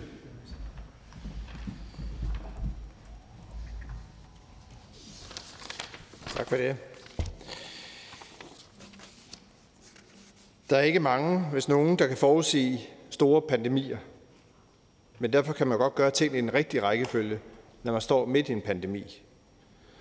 Det var sådan lidt, jeg tænkte, da jeg så indkaldelsen til den her hasteforspørgsel – om, hvordan vi styrker vores sundhedsvæsen. Det er vi jo alle sammen enige om. Vi er også enige om, at behovet er presserende. Men der ligger jo i spørgsmålet og i selve indkaldelsen en kritik, eller forståelse i hvert fald af, blandt de partier, der har indkaldt, at det nok har været bedre, hvis der har været en borgerlig regering. Med Venstre i spidsen, måske stadigvæk med Lars Løkke for bordenden, så har sundhedsvæsenet haft det bedre og været i gang med en reform. Men virkeligheden er jo altså bare en anden, når politik øh, når politik skal prioriteres og pengene skal fordeles. Og det er måske i virkeligheden her også forskellen i dansk politik træder meget tydeligt frem. Når vi som socialdemokratisk regering har lavet økonomiaftaler med regionerne, som jeg var inde på før i spørgsmål til hr. Martin Gersen, ja, så er det jo, at vi har lavet pengene følge med, når der kommer flere børn og ældre. Og vi har faktisk investeret i de regionsaftaler ud over det demografiske træk. Sidst vi havde Venstre ved regeringsmagten, så var det jo langt fra sådan, og det er jo ikke så lang tid siden, der blev altså afsat færre penge i aftalen med regionerne, end det demografiske træk kostede. Og det vil sige, at alt andet lige stod regionerne tilbage med et dårligt udgangspunkt til at drive sundhedsvæsenet, end før Venstre havde regeringsmagten. Selv Venstres egen formand for, eller daværende formand for Danske Regioner måtte jo ærligt sige, at S-regeringens første økonomiaftale med regionerne i 19 var det største løft af regionerne siden finanskrisen. Og faktisk har S-regeringens tre økonomiaftaler med regionerne løftet deres økonomi mere end de forudgående seks økonomiaftaler til sammen. Socialdemokratiet har altså løftet øh, regionernes økonomi øh, med alt 4 milliarder kroner og dermed styrket vores sundhedsvæsen markant. Så der er forskel, også på sundhedsområdet, hvor vi har haft en vilje til at prioritere danskernes sundhed højt. Nu skal jeg korte min tid lidt ned i respekt for, at vi når alle ordfører igennem. Øh, så jeg skal ikke gøre så meget af alle de andre gode ting, vi har gjort, øh, som også har været nævnt af ministeren. Men i virkeligheden sige, at man godt kunne prise sig lidt lykkelig over, at Venstres planer om store strukturforandringer med nedlæggelse af alle regionerne ikke blev til noget. Tænk, hvis vi stod midt i det, da pandemien ramte, men det kan man selvfølgelig altid være tilbageudskuende. Ingen kan jo forudsige pandemien. Men jeg må sige, før jeg blev valgt til Folketinget her senest, der var jeg kommunikationschef i Skat og senere i Skattestyrelsen og blev ansat i 16, da man stod for at dele skat op i syv nye styrelser. En udmærket, fornuftig beslutning truffet af den daværende borgerlige regering, men også en kæmpe øvelse, som jo ligger enormt meget beslag på ledelse og på medarbejdere, når man skal igennem sådan en reformøvelse. Og derfor virker det meget fornuftigt, at man ikke, når man står midt i pandemien, kaster sig ud i øh, at lave en omfattende øh, omstrukturering reform af vores sundhedsvæsen. Som sagt, ingen kan forudse store pandemier, men man kan gøre ting i en rigtig rækkefølge, når man står midt i en. Derfor har vi også sagt, at sundhedsudspillet kommer snarest muligt, øh, og det er også blevet lidt mere konkretiseret i dagens taler fra vores to ministre. Tak for ordet. Og så skal jeg lige sige, inden jeg slutter helt, at jeg har en vedtagelsestekst øh, på vegne af Radikale, SF og Socialdemokratiet, som jeg gerne vil læse op. Folketinget opfordrer regeringen til at invitere til brede sundhedsforhandlinger, jævnfør forståelsespapiret, i foråret 2022, når pandemien aftager, med fokus på at fremtidssikre sundhedsvæsenet med strukturelle ændringer, styrke det tværgående samarbejde og det nære sundhedsvæsen, herunder styrke forebyggelsesarbejdet, kvaliteten i behandlingerne, digitale sammenhæng og rekrutteringsudfordringer. Jeg forstod, at ordføreren kortede ned i sin tale, så vi fik lidt mere tid, og det gav så tre sekunder, så det er jo altid noget. Der er en bemærkning til fru Liselotte Blix, Dansk Folkeparti. Værsgo. Mange tak. Altså, jeg vil bare sige, at jeg bliver så træt. Jeg bliver så træt af, at vi skal høre økonomiaftaler, og uha, I vil bare nedlægge regionerne, så det kan vi ikke. I stedet for at svare på det, der bliver spurgt om. Hvornår skal vi i gang med en sundhedsreform? I har jo taget hul på nogle af det. Det siger I jo også. Altså, der er gået ind og kigget på fødselshjælp, der er blevet øh, kigget på sygeplejersker og nogle andre ting. Nogle af de dele, der var i den reform, som vi fremlagde. Men man gemmer måske bare det sidste, altså det, man ikke helt vil være selv om, til sidst. Det det drejer sig om. Hvornår indkalder man til forhandlinger med resten af Folketingets partier? I stedet for bare at komme med alt det, I gjorde dengang. Skal jeg finde tallene fra sidste gang, I var i regering? Hvor meget I så svarede? Svar dog på det, hvad bliver der spurgt om, altså. Ordfører? Det har nu, altså nu har jeg talepapir, og jeg er med på at korte lidt ud, men den del af det svarede jeg faktisk ret præcis på. Jeg henviser også til det, som både sundhedsministeren og statsministeren siger, eller sagde her tidligere, og der var også ret klart svar. Nu tror jeg, jeg kan spare os for en del sekunder, hvis jeg stopper her. Fru Liselotte Blikst. Men det er bare en gentagelse på gentagelse. Det kunne jo være smart, hvis man sagde noget andet, og man gerne ville noget andet, og hvordan man vil, øh, hvad ting man vil lægge ind i de aftaler, man gerne vil have de andre partier til at støtte op omkring. Man har jo taget nogen, altså man går ud og siger, at vi skal have nære hospitaler, og man skal have det ene og det. Altså nogle af de ting, der faktisk skulle ligge i sådan en aftale. Det går man jo ud selv og går ud med. Hvordan vil man så finde et bredt flertal til det sidste? Det var så et andet spørgsmål. Altså, jeg overlader trygt til, til sundhedsministeren øh, at fremlægge vores udspil, når det kommer dertil. Øh, og jeg skal ikke gentage det, sundhedsministeren også sagde, og statsministeren sagde omkring tidsperspektivet, som vil også stå meget klart. Øh, og når jeg hæfter mig lidt ved det med økonomien og det med historikken, så er det jo ret væsentligt. Er det jo ikke ligegyldigt, om man går ind for regionerne eller ej, for eksempel i den aftale, som daværende VLAG-regering lavede med Dansk Folkeparti.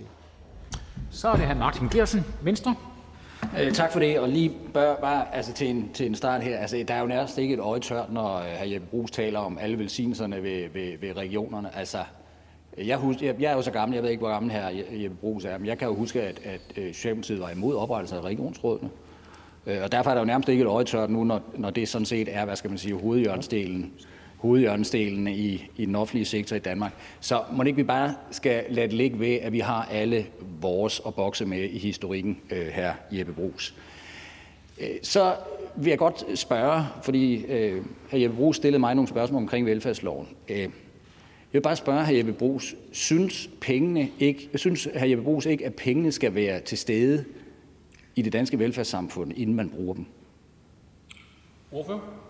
Jo, det synes jeg faktisk er en rigtig god idé, at man for eksempel ikke giver ufinansierede skattelettelser, fordi man regner med, at det har nogle dynamiske effekter, der så gør, at man kan hive pengene ind senere, og når det viser, at pengene ikke kommer, så har man finansieret skattelettelserne.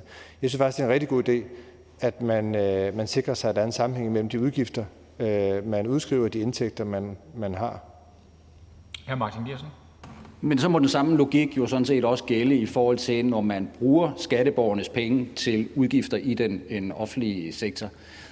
Altså, øh, de garantier, som hr. Jeppe Brugs udstikker i forhold til hele den offentlige sektor i virkeligheden, øh, bygger de på en forudsætning om, at pengene er til stede, eller bygger de på en forudsætning om, at det gør man bare uanset hvad? Altså, jeg synes at man skylder et svar på, om pengene skal være til stede, før man bruger dem. Jeg synes ikke, det står helt klart. Ordfører? Ja, nu er det ikke min øh, opgave at udstikke garantier, og jeg har lært meget jeg ved bestemt ikke alt om politik, men jeg har efterhånden erfaret, at det med garantier, det er sådan et sjældent ord brugt herinde. Det er nok meget smart. Nej, det jeg i virkeligheden henviste til, det var jo de øh, regionsaftaler, øh, hvor det er klart, hvis man siger, at man gerne vil dække det demografiske træk, så skal pengene følge med. Og det er jo sådan set det, vi har gjort i vores regionsaftaler. Vi har lavet de bedste regionsaftaler i 10 år, hvis det, som, som den daværende formand for Danske Regioner sagde. Så vi har faktisk lavet pengene følge med hver eneste år, modsat det, som jeg i virkeligheden fremhævede, den daværende borgerlige regering gjorde. Jeg har to korte bemærkninger mere. Da det er regeringspartiets ordfører, så vælger jeg at tage de øh, to øh, korte bemærkninger, fordi jeg forudsætter lidt mere interesse her, som måske senere hen. Her Hans Andersen, Venstre. Tak for det. Øhm, jamen, jeg sidder også og, undres. Altså, Socialdemokratiet, som var imod oprettelsen af regionerne, som var imod øh, den valgfrihed, vi gennemførte tilbage i 2001, hvor patienterne stod og ventede på ventelisterne i, i, i overvis. Men, men, men, men lad nu det ligge. Altså, gør det ikke indtryk på ordføreren, at Lægeforeningen, KL, Danske Regioner sådan set øh, presser meget på, og nu siger helt klart, at corona skal ikke være undskyldning for ikke at komme i gang. Det er sådan set budskabet, det klare budskab for de mange, mange organisationer, der er derude i virkeligheden. Øh, så gør det ikke indtryk. Og så skal jeg bare forstå, er det udgangen af første kvartal, der skal både være et udspil og en forhandling, eller var det i foråret?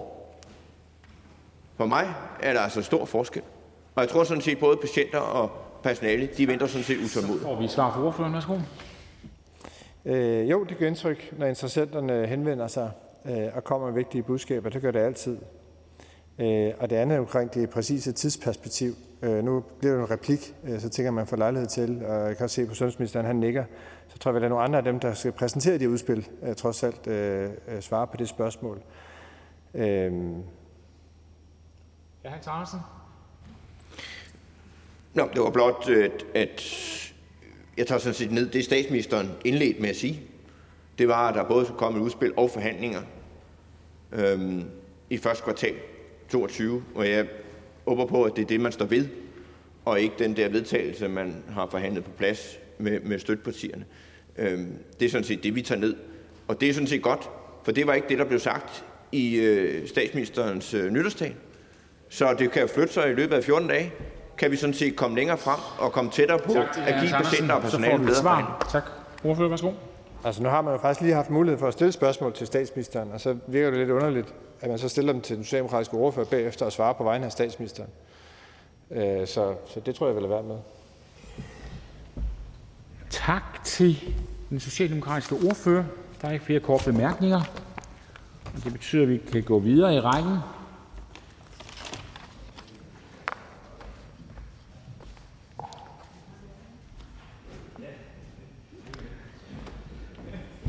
Fru Liselotte Blikst, Dansk Folkeparti. Tak skal du have. Mener ministeren, at det er tilfredsstillende, at regeringen ikke har handlet med rettidig omhu på et så afgørende område for de danske patienter som det nære og sammenhængende sundhedsvæsen, når man til sydenlande først meget sent i processen finder ud af, at regeringens eget lukkede embedsmandsudvalg ikke har været ambitiøse nok, og hvorfor har ministeriet ikke grebet ind tidligere, så den nuværende forsinkelse på et halvt år kunne være undgået? Lyder det bekendt?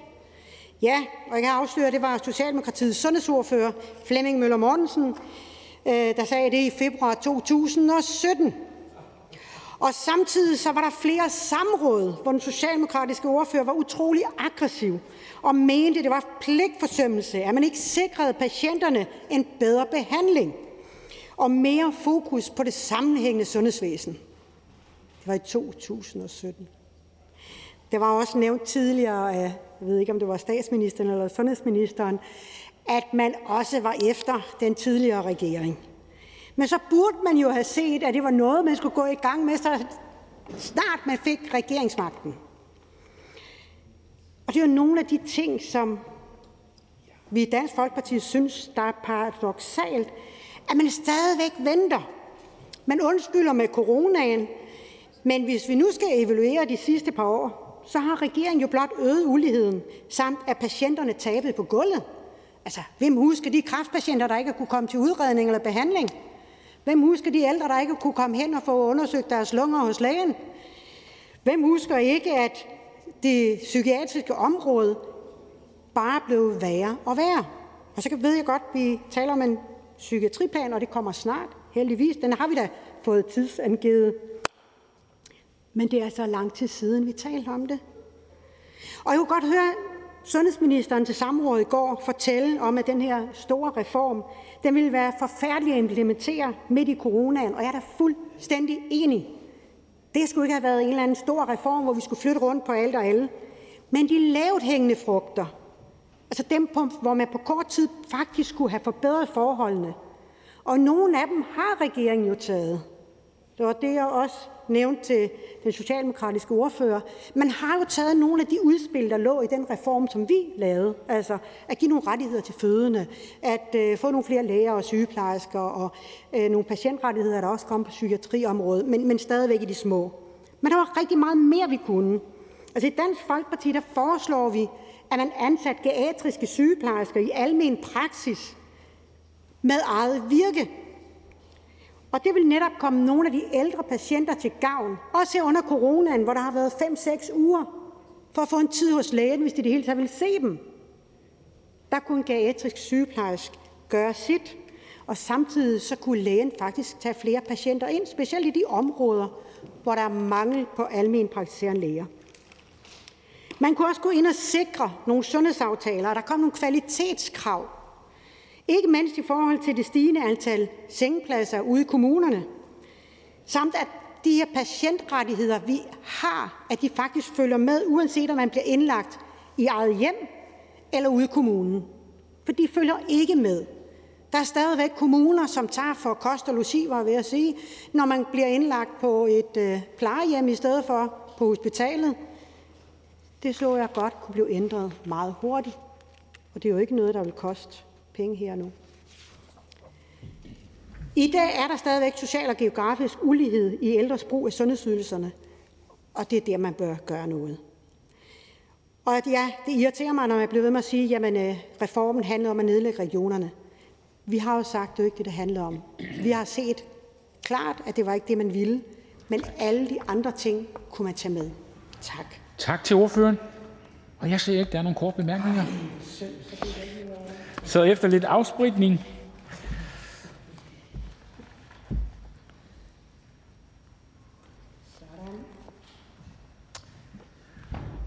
Fru Kirsten Normann Andersen, SF.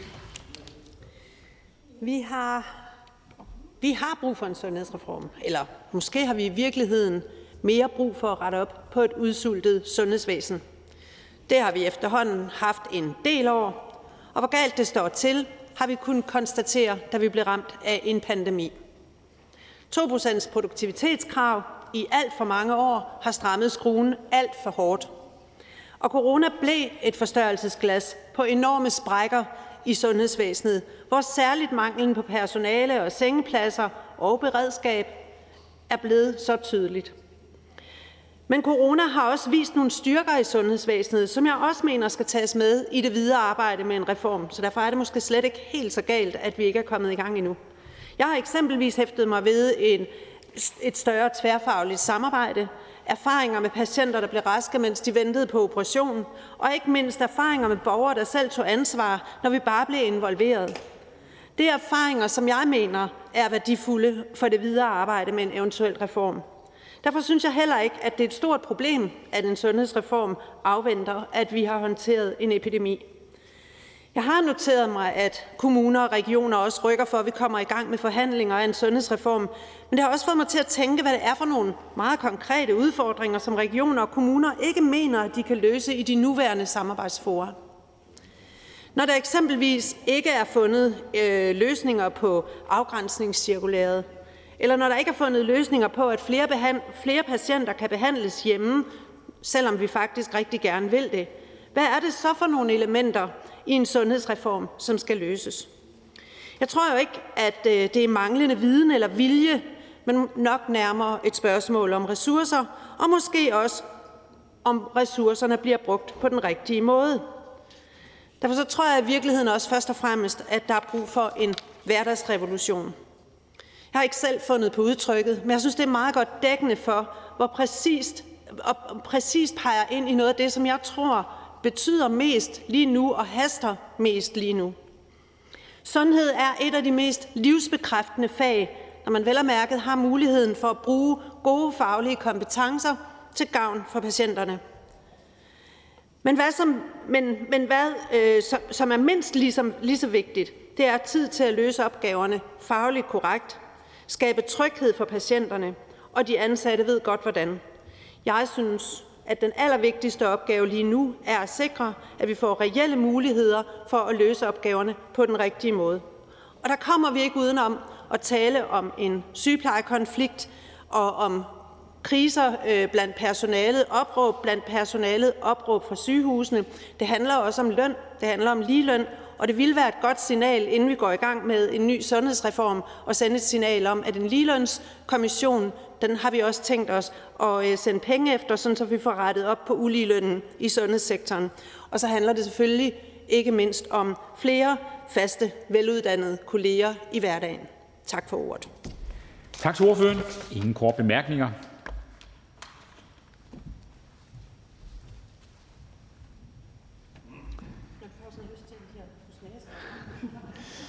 Hr. Martin Lidegaard, Radikale Venstre. Tak til øh, de borgerlige partier for at rejse debatten og for statsministeren for at stille op.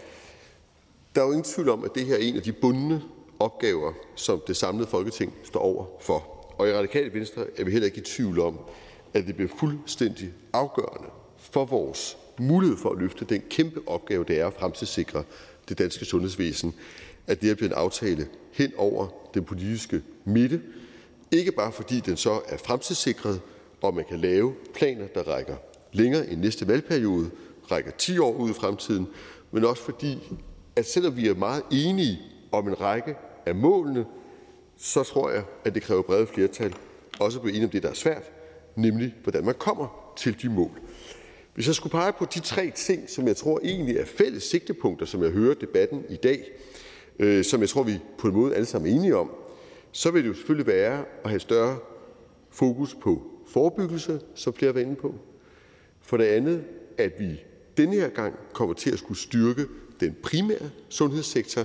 Man kan sige, at langt størstedelen af de midler, vi i de seneste 20 år har puttet ind i sygehusvæsenet og sundhedsvæsenet, har jo været til amter og senere regioner, til hospitalsvæsenet, som er kommet, øh, kan man sige, de kliniske indsatser der til gode, dermed Øh, ikke mindst den ældre og stadig mere ældre befolkning og de øh, sygdomme, som de har, hvorimod der ikke er kommet særlig mange flere ekstra penge til privatpraksiserne og specialepraksiserne og hele det primære indsats øh, relativt set. Jeg fornemmer, at alle er enige om, at det nære sundhedsvæsen, det primære sundhedsvæsen, den her gang står for tur. Og endelig, og det er måske det, vi, som jeg indikerede i mit spørgsmål, opfatter som den største udfordring, så skal vi sikre, at vi har hænder og hoveder nok.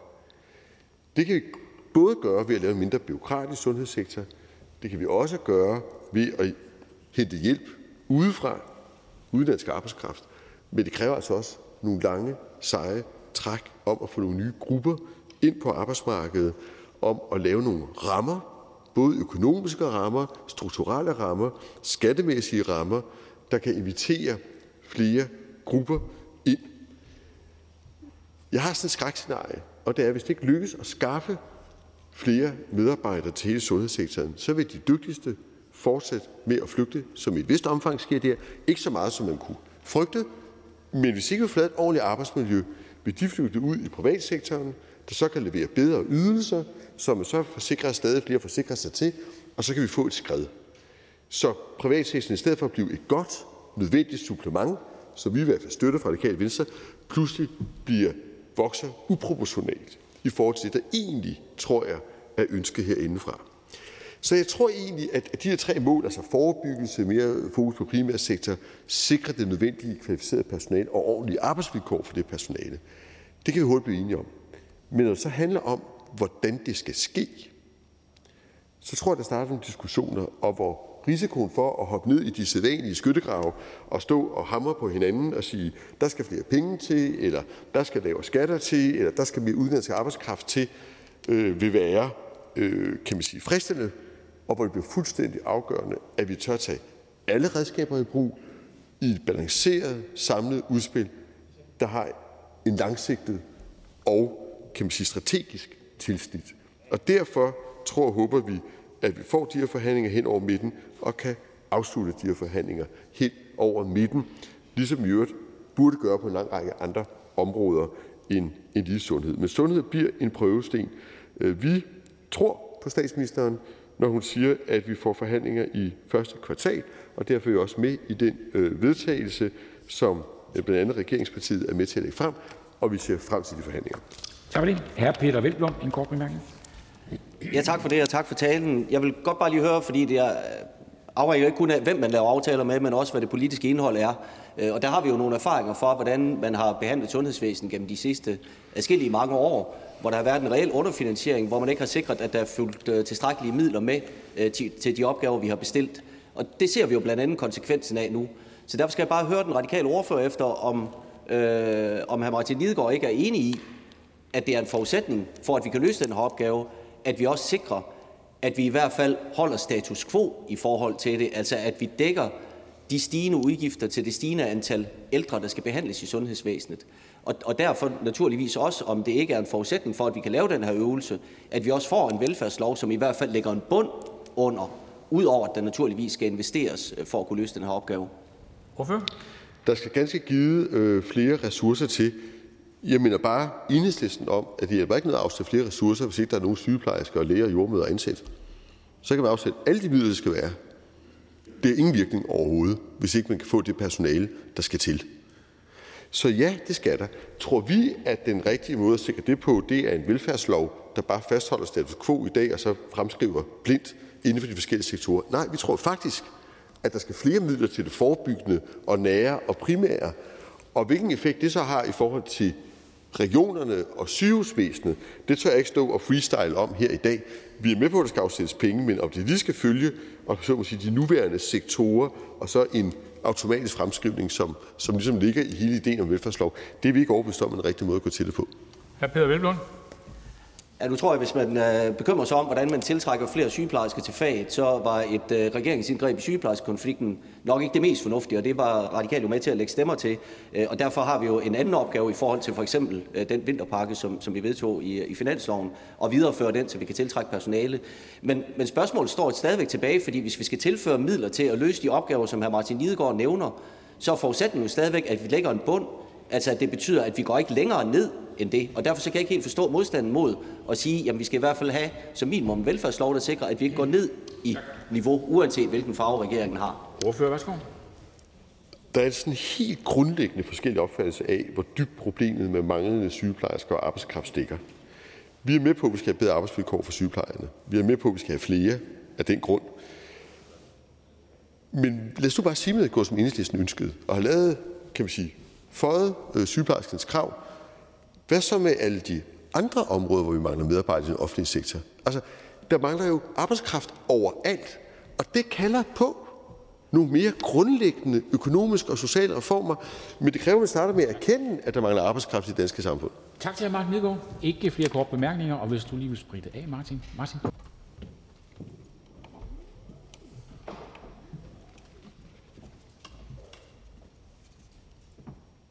jeg godt? Værsgo, hr. Peder Hvelplund. Tak for det, formand. Hvis der nogensinde har sket tvivl om, hvilken betydning et offentligt finansieret, velfungerende sundhedsvæsen har for vores samfund, så er den tvivl grundigt blevet fejret af bord med coronaepidemien.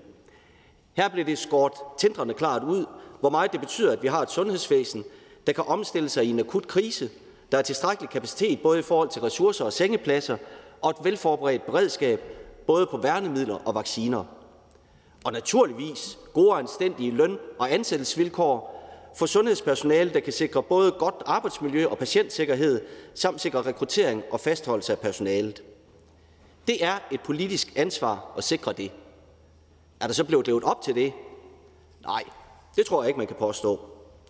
Det, der har sikret, at vi er kommet rimeligt igennem epidemien, er en helt ufattelig stor indsats af vores dedikerede sundhedspersonale, ofte på trods af de forhold, vi har budt dem. For forud for epidemien har vi haft en lang række regeringer, der har ført en borgerlig nedskæringspolitik. Både under få, under Torning og under Lykke er sundhedsvæsenet blevet udsultet af et effektiviseringsregime, blandt andet med det ødelæggende produktivitetskrav, hvor man forventede, at man kunne få det dobbelte for det halve, bare personalet fik en raket bagi. En uanstændig behandling af vores sundhedsvæsen, vores personale og vores patienter. Og derfor så er der brug for at investere i vores fælles velfærd og sundhed. Der er brug for at investere i dedikeret og uundværlig sundhedspersonale og forvent skruen, så det igen bliver attraktivt at arbejde i sundhedsvæsenet. Og derfor er det også helt centralt, at de initiativer, der bliver taget i forbindelse med finansloven omkring vinterpakken, at vi sikrer, at vi får dem videreført, og at vi derudover også får en forpligtelse på, at vi vil leve op øh, til de øh, anbefalinger, som der kommer fra Lønstrukturkomiteen her senere på året. Det er en vigtig forudsætning for en ny sundhedsreform, at vi sikrer, at vi både sikrer en ny velfærdslov, der forpligter skiftende regeringer til, at der følger penge med til de opgaver, vi bestiller. At vi investerer i sundhedsvæsenet, så vi får genopbygget kapaciteten. Og vigtigst, at vi får gjort op med ulige lønnen i de kvindedominerede velfærdsfag, også i sundhedsvæsenet, så vi kan give en løn, der sikrer fortsat rekruttering og fastholdelse af sundhedspersonalet. Det skylder vi. Men der er brug for en sundhedsreform, og det haster. Vi har presset på for at få gang i forhandlingerne, og vi skylder alle aktører, at vi tager ansvaret alvorligt og får lagt skinnerne for fremtidens nære sundhedsvæsen. Derfor er det uacceptabelt, at regeringen ikke har indkaldt til forhandlinger endnu, og vi ser selvfølgelig frem til, at det sker nu her snarest. Det er helt afgørende, at vi sikrer, at vi får en sundhedsreform, der styrker vores fælles offentligt finansierede sundhedsvæsen, hvor vi investerer i kapacitet og sikrer tilstrækkelige ressourcer, både i det regionale sundhedsvæsen, men også i udbygningen af det nære, så vi styrker robusthed, styrker forebyggelsen og reducerer uligheden i sundhed.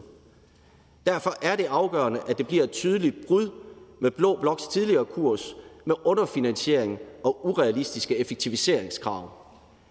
Alene fordi de har et ideologisk ønske om at skabe grobund for øget privatisering, hvor prioriteringer i sundhedsvæsenet ikke bliver foretaget efter sundhedsfaglige vurderinger, men i stedet efter, hvordan man bedst styrker bundlinjen hos privathospitalerne. Sundhedsvæsenet er alt, alt for vigtigt til, at højrefløjen får muligheden for at gøre det til en ideologisk legeplads. Det har vi set konsekvenserne af.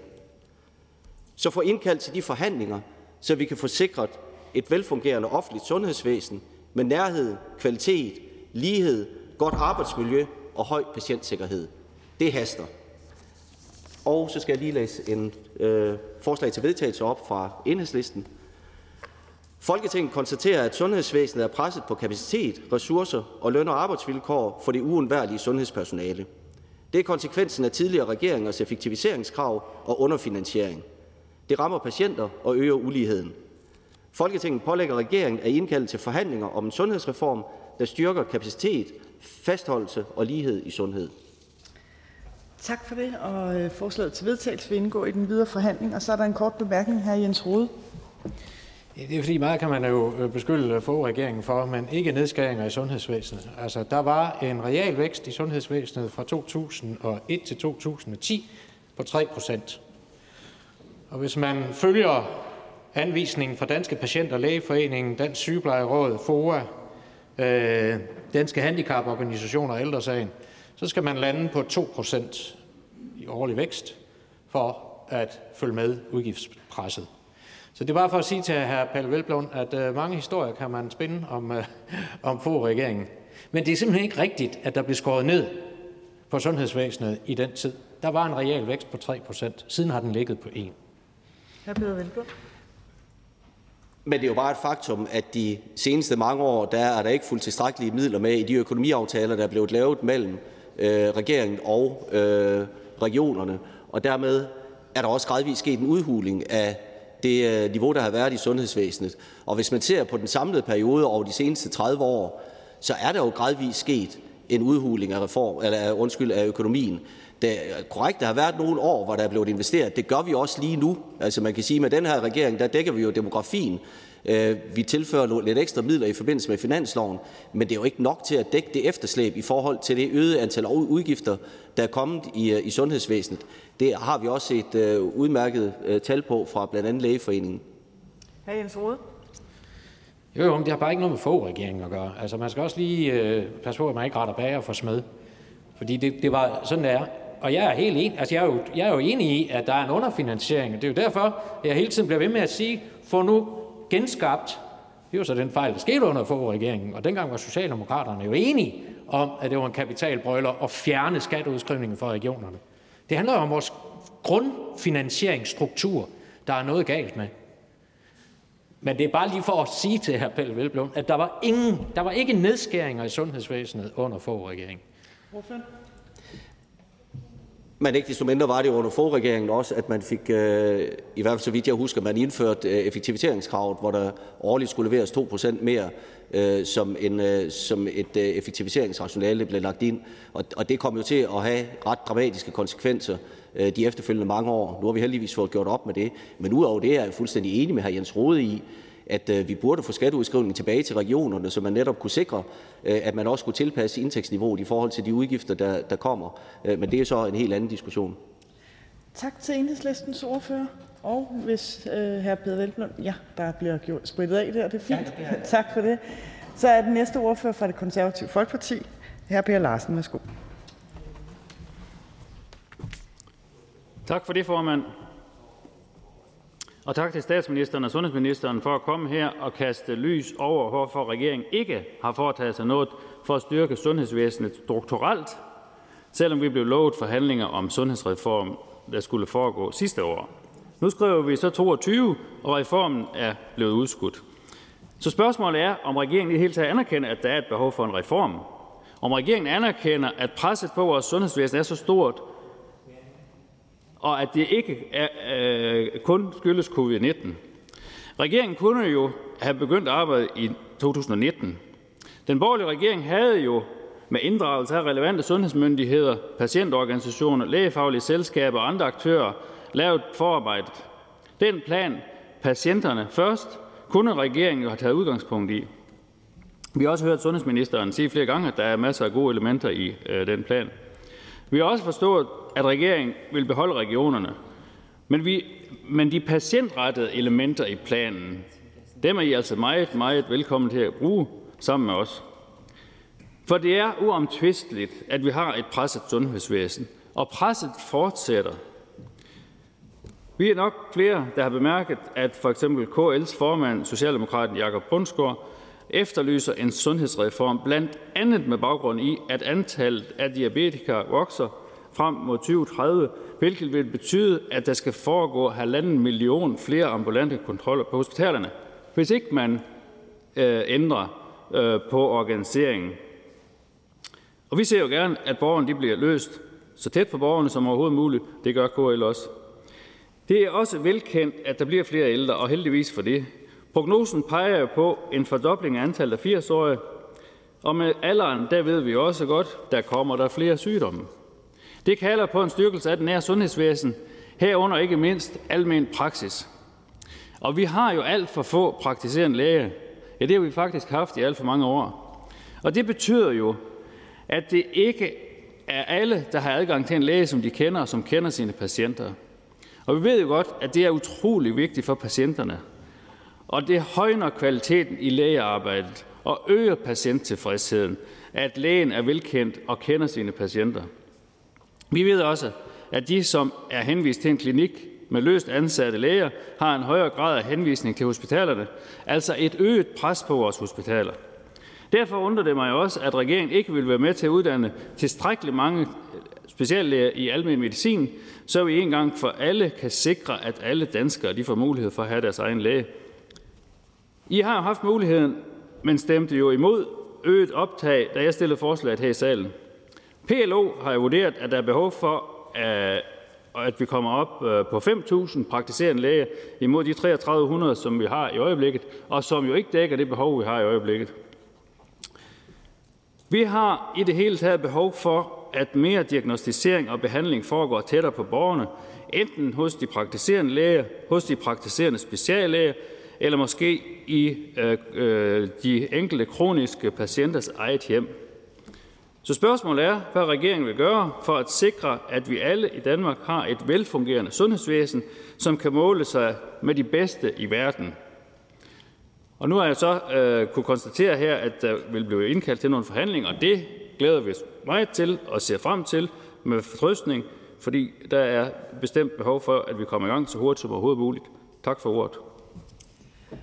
Tak til hr. Per Larsen. Der er ikke nogen korte bemærkninger, så vi går videre fra den konservative ordfører til ordføreren fra Nye Borgerlige.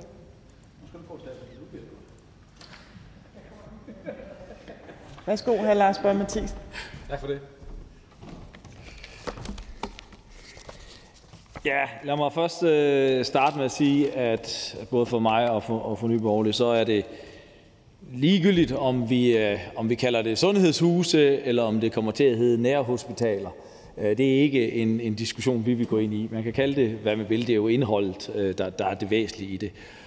Øh, og jeg synes også, at vi skal prøve at, at, at, at se fremad. Så kan man skyde på, at den tidligere regering var der nogle effektiviseringer, man ikke brød om. Så skyder man her nu på, at vi ikke... Skulle vi ikke sætte os og så prøve at være konstruktiv i det her, og så se, om vi kan finde noget, noget indhold, vi, vi kan blive enige i? Øh, det, det synes jeg, tror, det tror jeg sådan set, borgerne derude, de efterspørger. Øhm, vi har spillet ud i Nye Borgerlige med, at, at vi synes, der skal være et, et, et løft på, på 3 milliarder øh, årligt oven i det, der er. Vi har også fundet finansiering til det. Vi er, vi er enige om, at der skal ske en øget decentralisering. Vi synes, det er nogle gode takter, både som var for den tidligere regering, og også som der er for den nuværende regering i, i det. Øhm, det fokus, som jeg synes, man, man bliver nødt til at have på her, det er øh, de mennesker, som skal varetage opgaverne i det decentrale sundhedsvæsen, som vi gerne vil have. Hvis vi ikke har fokus på de mennesker og give dem nogle arbejdsforhold, så de rent faktisk kan løse de opgaver, vi gerne vil, så hjælper det ikke noget, hvilken struktur man sætter op herindefra. Når, når sygeplejerskerne derude de, de råber vagt i gevær omkring, at de, de er presset, så, så er det ikke, selvom det for nogen af dem måske var mere aktivistisk og krav altid om højere løn, så var der også rigtig mange derude, som råbte vagt i gevær på, at deres arbejdsforhold gjorde, at de ikke kunne holde til at arbejde så meget. Jeg ved det. Jeg, min kæreste er sygeplejerske og har arbejdet på en hjerteafdeling i, i, i, i 13 år. Og når du har en, en 12-timers vagt, uden at have tid til at komme på toilet, uden at have tid til at spise, kan du godt klare en enkelt dag. Du kan også godt klare det to dage. Men hvis du ved, at du lige skal hjem og sove 10 timer, så skal du altså i gang igen. Og har du to mere af de vagter bagefter, så kan du ikke. Og så kan du ikke arbejde fuldtid. Men hvis man, når vi laver den her struktur, også kigger på, kan de her nummeringer derude gøre, at man godt kan se, fordi de har jo ikke lyst til, de ved godt, at når man går ned på det deltid, så efterlader man noget arbejde til sine kollegaer derude. Og det gør også ondt på dem. Så jeg tror faktisk, at mange vil have et ønske faktisk, og vil kunne se sig i måske at arbejde flere timer, hvis de arbejdsforhold og de nummeringer derude, de fyldte med. Så man ikke, så man havde tid til at spise sin frokost. Man, man kom hjem og følte, at man rent faktisk havde leveret et fagligt stykke ordentligt arbejde. Så tror jeg, at man vil også kunne, kunne se sig selv i at være i det flere timer, og kunne holde til at være i det flere timer. Og når vi kan se, at kun omkring 52 procent af sygeplejerskerne er på fuld tid, så ligger der jo kæmpe potentiale der. Det samme gælder socioassistenter, hvor det er endnu værre, hvor vi kan se, at, at omkring øh, hvad hedder det, øh, 72 procent af dem er, er på deltid. Og vi ved også, at de arbejder også i, i det nære sundhedsvæsen. Når der er så mange få, der arbejder på, på hvad, hvad hedder det, på, øhm, øh, som, som, som, som ikke arbejder fuldtids, jamen så har vi et strukturelt problem derude. Og det, kan vi, det skal vi også adressere i det her. Jeg kigger tit på den her måde, når vi kigger på, på de praktiserende lærere, vi siger, at vi mangler øh, lærer. Jamen, så kan man jo skyde på den regering, man kan skyde på den tidligere regering. Men når vi nu sætter os ned og laver det, så lad os nu lave den her demografiske fremskrivning, så vi kigger frem, og også mange år ud i fremtiden, for at vi, vi kan dække det her. Og så må vi løse det med fokus på, ikke om det skal være den ene struktur, den anden struktur, om vi skal kalde det det ene eller andet, men hvad de reelle behov er der for derude, både for de mennesker, som skal være i systemet, og de mennesker, som skal arbejde i systemet. Det skal være vores ønske fra Nye Borgerlige til de kommende forhandlinger. Tak. Tak til Nye Borgerliges ordfører.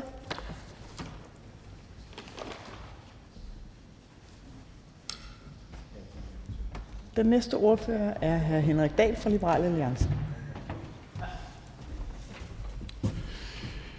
Tak for ordet.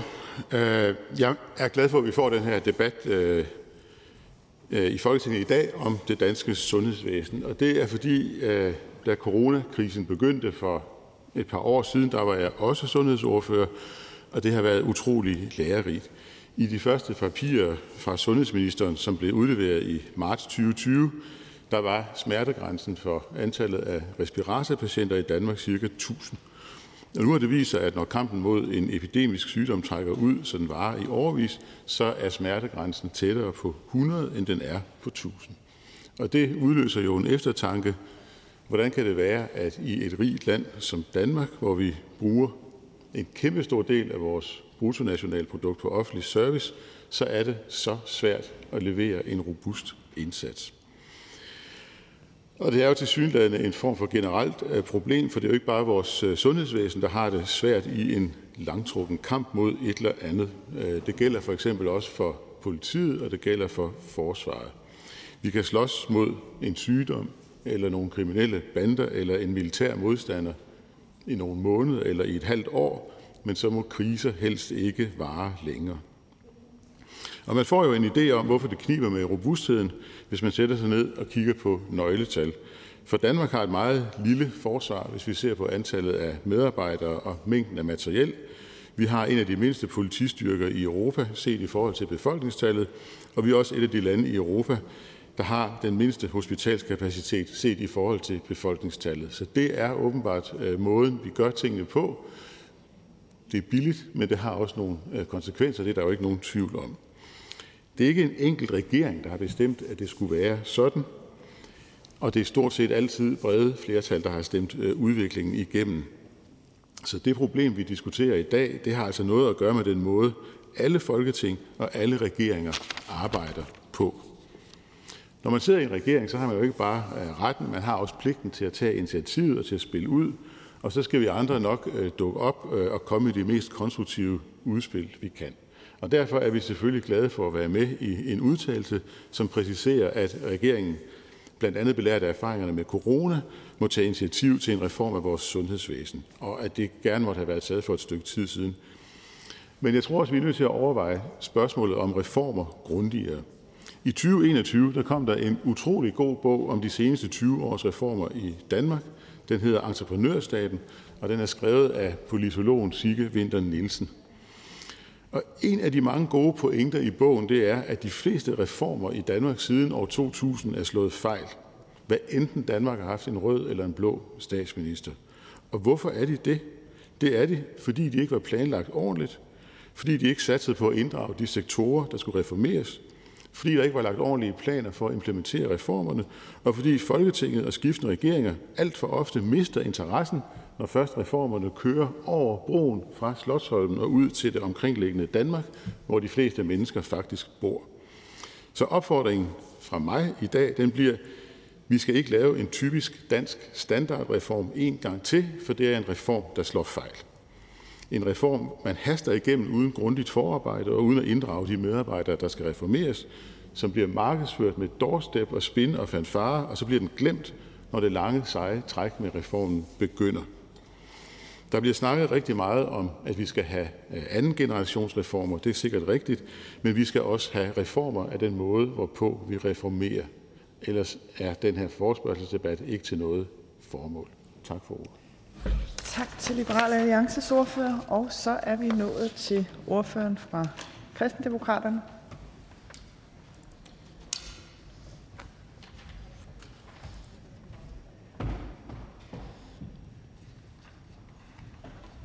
Værsgo, hr. Jens Rode.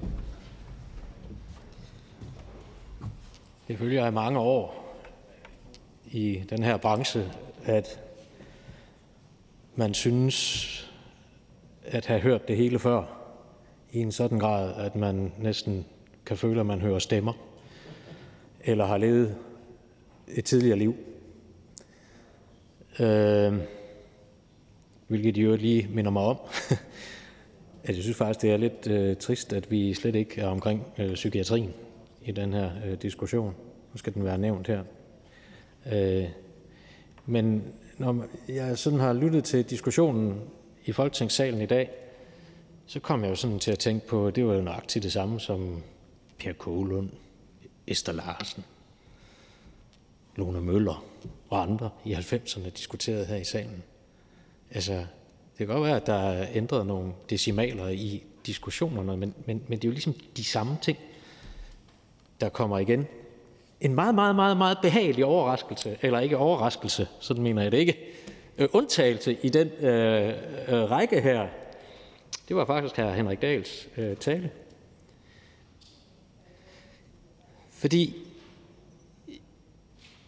det er jo godt nok at snakke reform, men der er jo en tendens til, for det første, at det meget hurtigt bliver sådan forklædt spareøvelser, fordi vi ikke er villige til at tage en grundlæggende diskussion om vores finansiering, men det bliver også så voldsomt og stort, at det er svært at implementere. Og derfor, selvom jeg også klart mener, at der jo selvfølgelig er øh, en lang række ting, vi skal have diskuteret på sundhedsområdet, og der måske er behov for en reform, så vil jeg alligevel have lov til at, og fremføre den kætterske tanke, at man kunne jo godt overveje, at sådan en elefant, den skal tages i små bidder. At man tager tingene skridt for skridt, uden at have behov for at vise omverdenen, prøve at se, hvor stort vi kan tænke her, men at man faktisk tager tingene, således at vi også kan overskue dem herinde, og ikke mindst, så dem, der skal leve med den i hverdagen, kan følge med, og der er en fornuftig forventningsafstemning. Jeg ved ikke, om det vil hjælpe, men jeg synes måske godt, at vi kan tænke over det. Det skal ikke afholde mig fra at øh, takke Venstre og andre borgerlige partier for at bringe den her diskussion ind, fordi det er jo vigtigt. Og det er vigtigt, at vi får de her overordnede diskussioner, så vi får sat det i vores egen frontlap, at der er behov for, at vi får diskuteret at gøre det bedre. Men det kan altså ikke nytte noget, at man bliver ved med at bilde befolkningen ind, at vi kan få det hele til det halve. Det kan ikke nytte noget, at man, hvis man diskuterer reform af sundhedsvæsenet, ikke vil diskutere økonomi. Og jeg tror, at Martin Lidegaard nævnte skatteinstrument. Nu ved jeg ikke, hvad Martin Lidegaard øh, tænkte i den sammenhæng. Men for os er det afgørende, at vi får taget et opgør med den finansieringsstruktur, som vi har i dag, som er et åbenlyst problem for, at man også kan løse opgaverne regionalt, sådan som vi har organiseret vores sundhedsvæsen regionalt. Og det er derfor, at jeg gerne ser genopretning af den fejl, jeg selv var med til at lave i sin tid, nemlig at man indfører og genindføre skatteopkrævningen ude i regionerne, så man regionalt kan forventningsafstemme og levere varen i forhold til det, som man diskuterer regionalt. Og jeg kan ikke forstå, at Socialdemokraterne er så meget imod, for de var safthus med imod, dengang vi gennemførte det. Men sådan er der jo så meget. Men det skal være opfordringen herfra. Tak for ordet. Tak til hr. Jens Rode. Og så er vi igennem med ordførerrækken og nået til sundhedsministeren, som vil afrunde debatten, inden spørgetimen slutter kl. 15.00.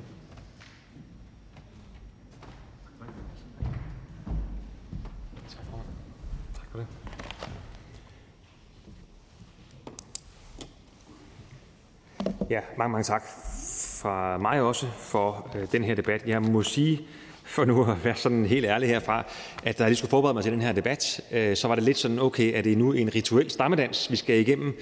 Og jeg synes også, at nogle af ordførerne har været nede og, og læse i gamle øh, samråd, hvor det var hvor borgerne stod anderledes, eller stolene stod anderledes som borgerne, og så var der kritik fra den daværende opposition til den daværende regering. Hvorfor venter I nu på, på øh, sundhedsreformen? Hvad kommer der? Og så videre. Og øh, selvfølgelig er der noget af det, det skal der jo være også. Jeg, jeg må bare sige, at at min skepsis blev gjort til skamme. Jeg synes, det har været fremragende gode indlæg, og jeg synes også, det er indlæg, som øh, peger i en, øh, en retning, nemlig en retning til noget, som kan blive godt for vores sundhedsvæsen.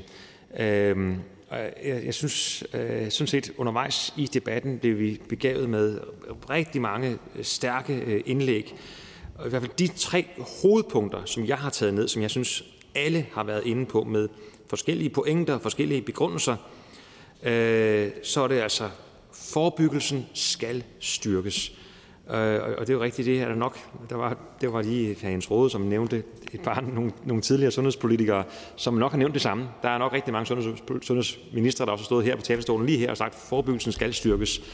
Øhm, øh, det er ikke desto mindre. Det, det er, hvis vi skal lykkes med at, at, at få bekæmpet ulighed i sundhed, og hvis vi skal lykkes med at komme igennem øh, den her store ændring, der jo er i vores demografi i de her år, som man jo ikke havde tidligere, men som vi har nu her, og hvis vi skal lykkes med vores mål om at give den enkelte det et bedre liv, så skal vi styrke forebyggelsen. For det andet er den her bevægelse i at rykke sundhedsvæsenet tættere på borgerens hverdag. Der har jo været en bevægelse, der af mange årsager, også mange gode årsager, er gået den anden vej, og meget af den specialisering, vi har haft, er jo, øh, er jo også en konsekvens af, at Folketinget og med skiftende flertal andet har jo investeret og har prioriteret og har øh, øh, løftet på nogle af de områder, hvor vi jo tidligere lå dårligt i Danmark. Der kan vi se, at nogle af de områder er faktisk, ligger vi jo langt bedre nu her. Så nogle af de løft, der er sket, øh, jamen det er, faktisk, øh, er jo faktisk lykkedes. Noget af det er jo så på bekostning af nærhed. Og når vi kombinerer det med den stigning i kroniske patienter, vi ser, altså mennesker, familier, hvor, hvor der er familiemedlemmer, der har en eller flere kroniske øh, sygdomme, og det ved vi stiger, og vi kan se, det stiger. Øh, og vi ved, hvor mange kontrolbesøg, hvor mange sygehusbesøg, genindlæggelser og andet, som er med til at gøre livet utrolig hårdt øh, og surt. Der er det også der at få, at få, øh, at få omstillet sy, øh, øh sundhedsvæsenet til at være tættere på borgerens øh, øh, nærhed. Og det tredje punkt, jeg har noteret ned fra debatten i dag her, det er medarbejdere. Det er øh, den vigtigste ressource i vores øh, sundhedsvæsen. Vi har masser af hardware, masser af, af instrumenter og masser af øh, kræftkanoner og andet, men, men det, der virkelig øh, er, er, en mangelvare, og det, der virkelig skal, skal, skal satses på, det er vores øh, medarbejdere. Tiden sammen med øh, patienterne. Og så må jeg så sige, at øhm, det er jo altid en fornøjelse, at der er store partier og mindre partier og andet, og til allersidst så kommer nogle af dem, som er lidt mere frie til at komme med deres øh, input, øh, nemlig hr. Henrik Dahl og hr. Jens Rode, som kommer også og sagde, jamen husk implementeringen af det her, og øh, øh, husk nu, hvordan det egentlig, øh, altså Målet er jo ikke at lave en reform, vi er så glade at lukke døren, og så har vi lavet det problem, og så er der ikke flere hasteforspørgsler i Folketinget. Målet er jo noget, som det er en supertanker, og der skal justeres noget kurs, og det, den kursjustering og den, den øh, investering og den øh, robusthedsgørelse, den sker i de kommende år, øh, og det øh, ser jeg frem til at invitere til forhandlinger om. Tak, formand. Tak til sundhedsministeren. Og så er der ikke øh, tid til, at flere kan bede om ordet, og det er der heller ikke nogen, der har bedt om. Så øh, forhandlingen er sluttet. Afstemningen om de fremsatte forslag til vedtagelse vil som nævnt først finde sted på et senere tidspunkt. Dato for afstemningen vil blive meddelt øh, snarest muligt. Jeg skal meddele, at spørgsmål nummer øh, 4 til øh, ministeren for fødevare, landbrug og fiskeri af hr. Torsten Geil fra Alternativet udgår af dagsordenen efter ønske fra spørgeren. Det sidste punkt på dagsordenen, som vi lige er ved at gøre klar til, det er besvarelse af oversendte spørgsmål til ministerne. Spørgetiden. Og den første, der har øh, der skal stille spørgsmål, det er hr. Jens Rode. Han skal stille spørgsmål til klima-, energi- og forsyningsministeren. Værsgo at læse spørgsmålet højt. Tak for det. Jeg har ikke fået mine briller med, så det er godt, at spørgsmålet er kort. Hvad mener ministeren om knopskydningen af kommunale genbrugsbutikker i flere danske kommuner?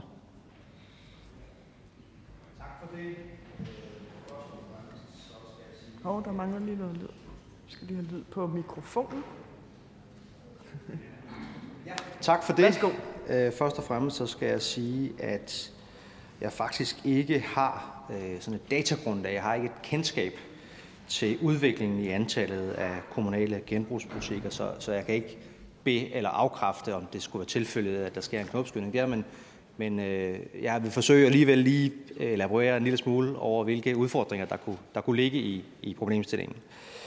Det er øh, helt sikkert, at vi skal øh, genbruge mere.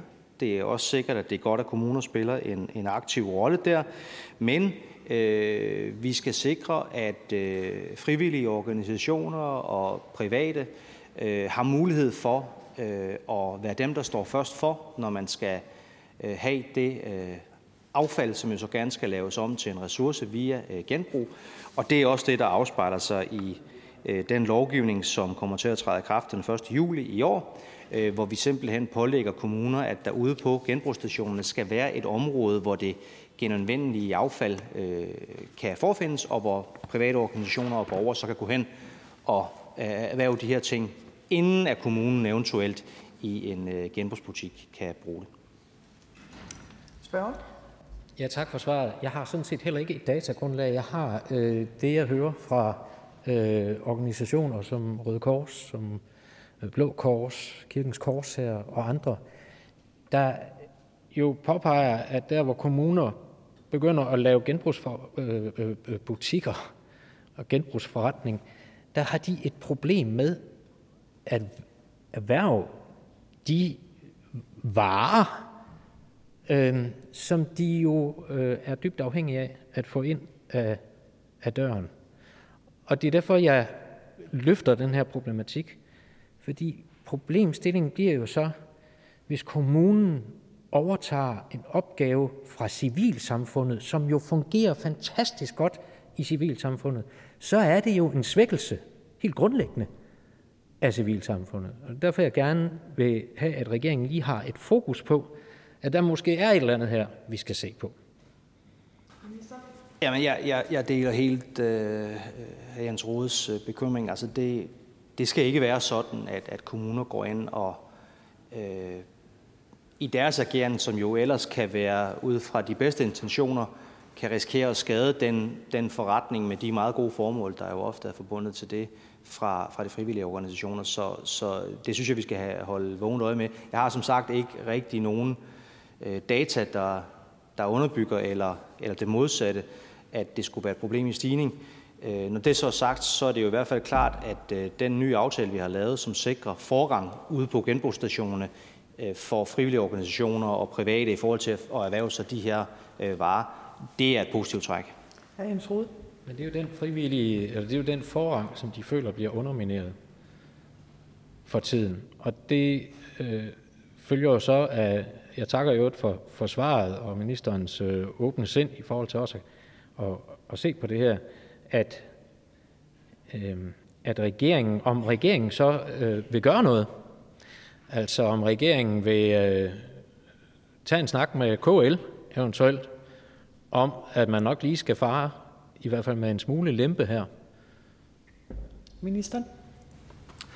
Ja, altså de har faktisk ikke den forrang i dag, men det får de så øh, fra 1. juli. Øh, og, øh, og ja, jeg synes, det er, er en god idé at tage en dialog med, med KL om, også for at sikre, øh, eller for at forhøre, om de har et bedre overblik, end, end, end vi har. Det, det kan jo sagtens være, at de, de har. Øh, og så er det selvfølgelig også noget, vi vil, vi vil aftale, eller undskyld, øh, diskutere i, i aftalekredsen omkring øh, den affaldsaftale, der blev lavet for, for et par år siden. Jeg har jo faktisk fået et meget fint svar fra ministeren, så der er ikke nogen grund til at blive ved med at excellere i, i at køre hinanden rundt i managen, så det vil jeg gerne sige tak for. Tak for det. Så vi fortsætter til næste spørgsmål, som også er stillet af hr. Jens Rode til klima-, energi- og forsyningsministeren. Værsgo, hr. Jens Rode, og læs spørgsmålet højt. Tak for det. Og det vender så til så i forlængelse af det her øh, den principielle diskussion, om ministeren mener, at den kommunale aktivitet i forhold til genbrugsbutikker styrker eller svækker civilsamfundet, end sige er i overensstemmelse med den politiske aftale om NGO'ers, herunder Røde Kors og Kirkens Korshærs, forrang i adgang til genbrugsvarer. Ministeren. Ja, ja, vi har været lidt omkring det i forbindelse med, med det tidligere spørgsmål, men, men mit svar er jo, at jeg, jeg, jeg deler øh, hr. Jens Rodes øh, sådan, øh, grundtilgang, at, at det kommunale virker derude. Det er sikker på, at vi er enige om. Det kan jo være ganske godt, øh, også på den her front, men, men det selvfølgelig jo ikke må svække de frivillige organisationer. Så øh, jeg, jeg tror, jeg er dækket ind i forhold til at sige, hvad vi så har gjort for at prøve på at sikre, at det ikke skal være tilfældet, og også øh, forsikre om, at øh, vi tager en dialog med KL om, øh, vi gør det endnu bedre, eller der er problemer, vi har overset. Hr. Jens Rode. Men det er jo dejligt at få sådan et øh, svar, og det stiller jeg mig øh, tilfreds med. Det er jeg øh, meget glad for, at vi øh, deler den bekymring. Under selvfølgelig den forudsætning, at vi jo alle sammen har, det vil jeg jo kraftigt understrege, en interesse i, at vi får mere genbrug. Altså den målsætning har vi i fællesskab. Men vi skal ikke ødelægge noget, der fungerer øh, fantastisk godt, og som er en øh, gave til rigtig mange mennesker. Ministeren. Nej, det er helt rigtigt. Det mener jeg heller ikke, vi skal. Tak for det. Det ser ud som om, der ikke er flere opfølgende øh, spørgsmål, så tak til klima-, energi- og forsyningsministeren og til hr. Jens Rode. Og så mangler vi lige en minister. Ja. Det gik også lidt stærkt her til sidst, så... Øh. Ja.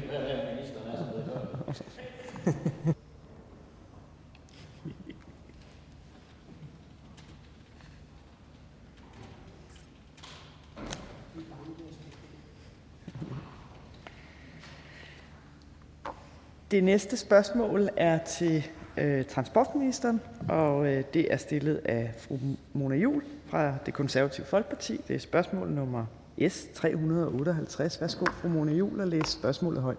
Tak. Spørgsmålet lyder: Hvad er ministerens holdning til den kritik, som der er rejst af ombygningen af Aarhus Hovedbanegård, hvor blandt andet Aarhus Kommune mener, at borgernes retssikkerhed bliver kompromitteret, som det blandt andet fremgår i Jyllandsbossens artikel, der hedder Aarhus Kommune kritiserer lovforslag om opbygning, ombygning af Aarhus Hovedbanegård? Tak for spørgsmålet. Øh, Ombygningen af Aarhus H er et helt centralt anlægsprojekt i en kæde af meget store projekter, som er nødvendige for, at de nye elektriske tog kan køre mellem Fredericia og Holborg.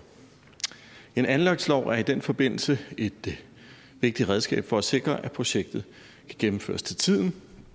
Et bredt flertal i Folketinget og spørgens parti har besluttet at øh, følge Banedanmarks Danmarks indstilling om at samle alle delprojekterne på Aarhus H i et samlet projekt, sådan at perioden med sporspærringer og støjsærhinder bliver, bliver mindre, og det var en god beslutning.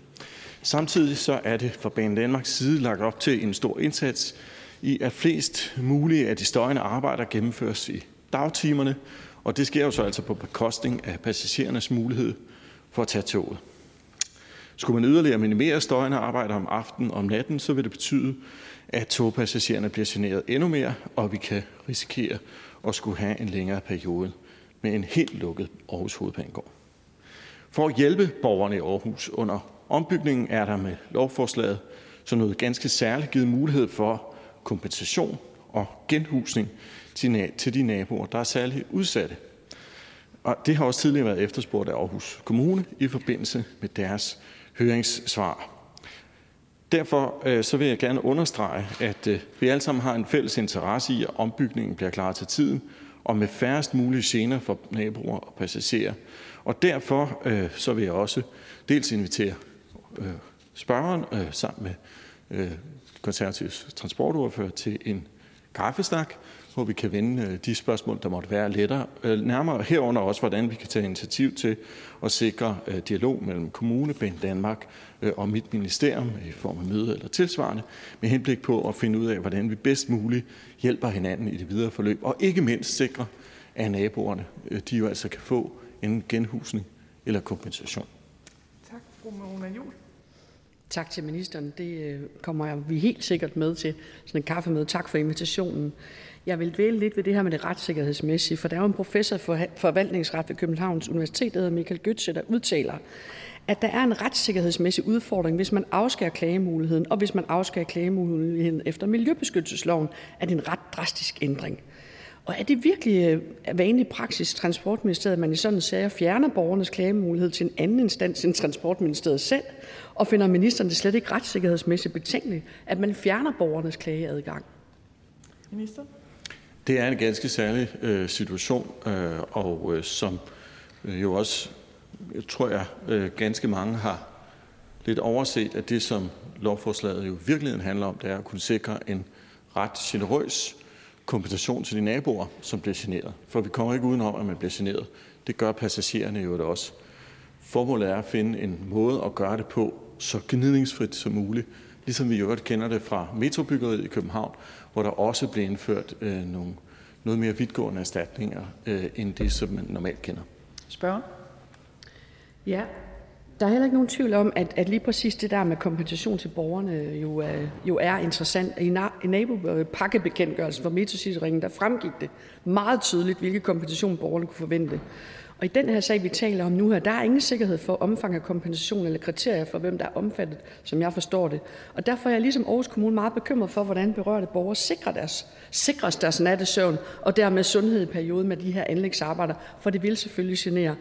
Og hvorfor vil ministeren ikke fjerne Aarhus Kommune, altså hvorfor vil ministeren fjerne Aarhus Kommunes mulighed for at regulere støjende anlægsarbejder og dermed for at afveje hensyn til projektets fremdrift over for borgernes sundhed? Minister? Ja, jeg tror, at jeg lige vil gentage det, jeg også sagde indledningsvis, nemlig, mm. det er faktisk Aarhus Kommune, der har ønsket, at man kan sikre borgerne. Øh, og jeg er ikke sikker på, at man til fulde har forstået det behov, der er for så at sikre den lovgivningsmæssige ramme, der er omkring det. Blandt andet også for at sikre, at øh, også Folketinget forstår, øh, og transportudvalget forstår de øh, elementer, der er omkring det, vil også sikre, at der bliver lavet en teknisk gennemgang af lovforslaget, øh, forud for at øh, lovforslaget bliver førstebehandlet, fordi formålet ikke er at genere borgerne mest muligt, men tværtimod at sikre, at borgerne bliver kompenseret for de gener, de uundgåeligt vil få, når vi skal sikre elektrificering af jernbanen. Spørgsmål? Jamen, så er det godt, at vi har kaffemøde, tænker jeg, fordi der er jo i hvert fald nogle ting, der skal præciseres der, og hvis øh, Aarhus Kommune kan, kan vælge nogle andre muligheder, så skal vi jo have det på banen. Men der er også det her med, at øh, man fjerner adskillelsen mellem miljømyndighed og bygherre. Mener ministeren, at det er hensigtsmæssigt, at Transportministeriet selv skal kunne bestemme grænser og regler for forurening og gener under ombygningen, og at klager derfor også samtidig kun kan ske til Transportministeriet, sådan at, øh, at ministeriet jo både står for ombygningen og for klagerne? Minister? Og, og igen er vi i en situation, hvor det er lidt dilemmafyldt, fordi på den ene side har Aarhus Kommune ønsket de her meget vidtgående muligheder for at kompensere, og på den anden side så ønsker de så altså ikke den følgelovgivning, der følger med det. Så man har lidt haft to modsatrettede høringssvar afgivet i denne her forbindelse. En, øh, noget, som jeg også personligt har undret mig over i øvrigt, at Aarhus Kommune har gjort, det ikke, ændrer ikke på, at jeg selvfølgelig også har tænkt mig at, at leve op til, at vi også tager dialogen, som jeg også øh, tilkendegav indledningsvis. Altså både invitere Aarhus Kommune til dialog, men også at, at tage øh, drøftelsen bredt øh, i, øh, i Folketinget, som jo også står bag øh, de store ambitioner, vi har om udbygning. Tak for det. Spørgsmålet er besvaret. Tak til transportministeren og til fru Mona Jul.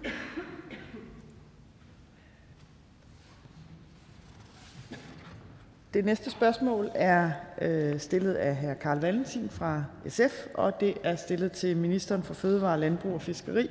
Værsgo at læse spørgsmålet højt. Hvad vil ministeren gøre for at stoppe indespæring af ræve og katte i små buer? Ministeren.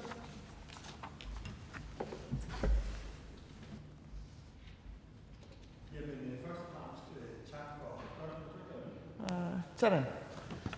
Først og fremmest tak for spørgsmålet, og lad mig starte med at slå fast, at jeg finder det fuldstændig uacceptabelt at indespærre ræve og katte permanent i små buer, og finder det sted, så skal det stoppes med det samme. Jeg vil også understrege, at det er ulovligt at opdrætte ræve og katte til pelsproduktion. Det er selvfølgelig tilladt at holde og opdrætte katte og kæledyr, øh, eller som kæledyr, og privat kan man holde tamme ræve som familiedyr. Men indespæring af ræve og katte i små bure er efter min opfattelse ikke i overensstemmelse med intentionerne i dyrevelfærdsloven.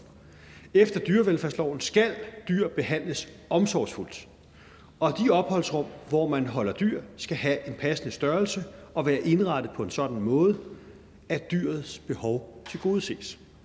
Rigtig mange mennesker de holder katte, og for at gøre det helt klart, at man ikke må holde katte permanent i små buer, vil jeg nu øh, udstede klare regler herfor i en bekendtgørelse om dyrevelfærdsmæssige mindstekrav til at holde kat. Spørgen? Tak for det svar, og tak til ministeren også for at tage det her rimelig seriøst, efter vi er flere, der har råbt op om det. Vi vil rigtig gerne inddrages i arbejdet med at ændre på den bekendtgørelse også, så vi får stoppet det her. Det hele det bunder jo i en sag, hvor at en gruppe dyrevenner, der hedder De Glemte Danske Ræve, de har afsløret, at en tidligere minkavler har indespærret katte i bitte små buer. Jeg aner ikke, hvorfor den her person har gjort det, og på en eller anden måde vil jeg helst heller ikke vide det, øh, men jeg ved i hvert fald, at det er dybt forkasteligt. Og der er jo også tale om en person, som øh, formentlig også tidligere har indespærret ræve, til trods for, at det er direkte brud på det danske forbud mod ræveavl, og det synes jeg er ret alvorligt. Jeg kunne snakke længe om dyr i den danske industri, der lider af flere forskellige grunde fuldstændig lovligt. Altså, der er høns med brækket brystben, der er øh, køer, der får fjernet deres kalve 12-24 timer efter fødslen, der er svin med mavesår osv. Men i sager her, ja, det kunne vi diskutere i lang tid, ikke? men i sager her, hvor der er direkte brud på lovgivningen, så mener jeg, at det er helt afgørende, at vi er enige om, at det for det første skal stoppes med det samme, og at det ikke skal gentage sig. Og særligt det sidste vil jeg egentlig også gerne lige spørge lidt ind til. Og derfor så vil jeg høre ministeren, om ministeren ikke også vil ændre lovgivningen, sådan så hvis man for eksempel bryder loven og indespærrer en masse ræve i buer, opdrætter dem til pels, til trods for, at det er ulovligt, så skal man også have frataget retten til at have dyr i fremtiden, sådan så vi får stoppet de her mennesker, der åbenlyst ikke respekterer den danske dyrevelfærdslov. Minister? Jamen, øh, indledningsvis vil jeg gerne øh, takke hr. Karl Valentin for at have været øh, på banen i den her sag og været tydelig omkring det her. Når vi indledningsvis har været en lille smule tilbageholdende, så er det fordi, det Fødevarestyrelsen kunne se ude på den pågældende farm, det var, at der var nogle katte inde i burene, men ikke nødvendigvis, at de var spærret inde. Uh, så derfor så kunne man ikke slå sig hårdt ned, som hr. Karl Valentin lægger op til. Med hensyn til, om gentagelsestilfælde skal have en konsekvens, der er der allerede en del af den nye dyrevelfærdslov, at sker det gentagende gange, så skal det have konsekvenser for, hvorvidt man må fortsætte med at holde dyr. Spørgen? Jeg spurgte faktisk ikke til gentagelsestilfælde. Jeg nævnte for eksempel, hvis man nu indespærrer en masse ræve i små buer, skal man så ikke permanent have frataget retten til at have dyr. Øh, det synes jeg øh, kunne være relevant at ændre lovgivningen på den måde. Men jeg vil egentlig også gerne spørge ind til, jeg kan jo mærke, at ministeren har sådan lidt forskellige holdninger til, hvilke dyr man gerne må øh, putte ind i buer. Hvorfor det er okay for eksempel at putte kaniner permanent ind i buer, men ikke harer, som er forbudt i Danmark? Og hvorfor det er okay at spærre chinchillaer inde i buer i Danmark, når det for eksempel ikke er okay med ræve og katte? Minister? Ja, indtil for en årrække siden, øh, der var det jo også tilladt i Danmark at have ræve i buer. Øh, Øh, det kan man jo undre sig over i dag, når man tænker tilbage. Men der er ting, der, der udvikles undervejs, og hvor man har forskellige syn. Der er også noget, der er forbundet med, med tradition. Øhm, og derfor så har vi løbende en diskussion omkring de her ting. Og vi skal jo mødes øh, også i den kreds, der har lavet den her dyrevelfærdslov, for netop at kigge på, er der steder, hvor vi øh, gerne vil lave forbedringer. Det er sådan, som jeg var inde på før, at er der gentagelsestilfælde, så falder hammeren. Man kan godt forestille sig, at der skal være også noget i forhold til virkelig grove øh, tilfælde, hvad så det skal have konsekvenser. Men lad os bore det ud i fællesskab. Lad os få en god øh, snak om det. Spørg. Det vil jeg se meget frem til. Jeg synes nemlig, dyrevelfærdsdebatten er ret præget af dobbeltmoral. Altså, når man for eksempel må spære en kanin inde, men ikke må spære en hare inde, så er lovgivningen jo forkert på den ene eller den anden måde.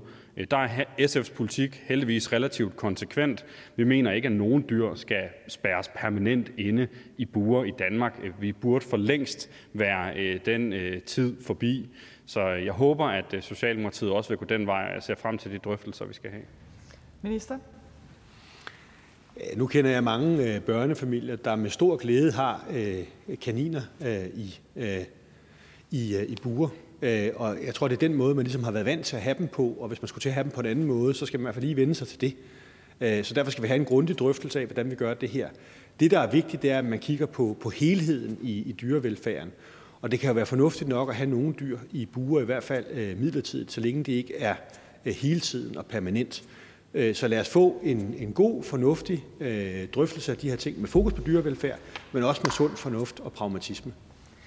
Tak. Spørgsmålet er besvaret. Tak til hr. Karl Valentin og til ministeren for Fødevare, Landbrug og Fiskeri. Det næste spørgsmål øh, er stillet af hr. Michael Åstrup Jensen fra Venstre til udlænding- og integrationsministeren. Værsgo at læse spørgsmålet højt. Tak for det, formand. Og spørgsmålet lyder, hvad mener ministeren om de lange sagsbehandlingstider i Siri for internationale arbejdstagere, og hvilke initiativer vil regeringen iværksætte for at overholde og nedbringe sagsbehandlingstiderne? Tak for spørgsmålet. Ja, hvad mener jeg? Jeg er først og fremmest øh, ret ærgerlig over de lange sagsbehandlingstider.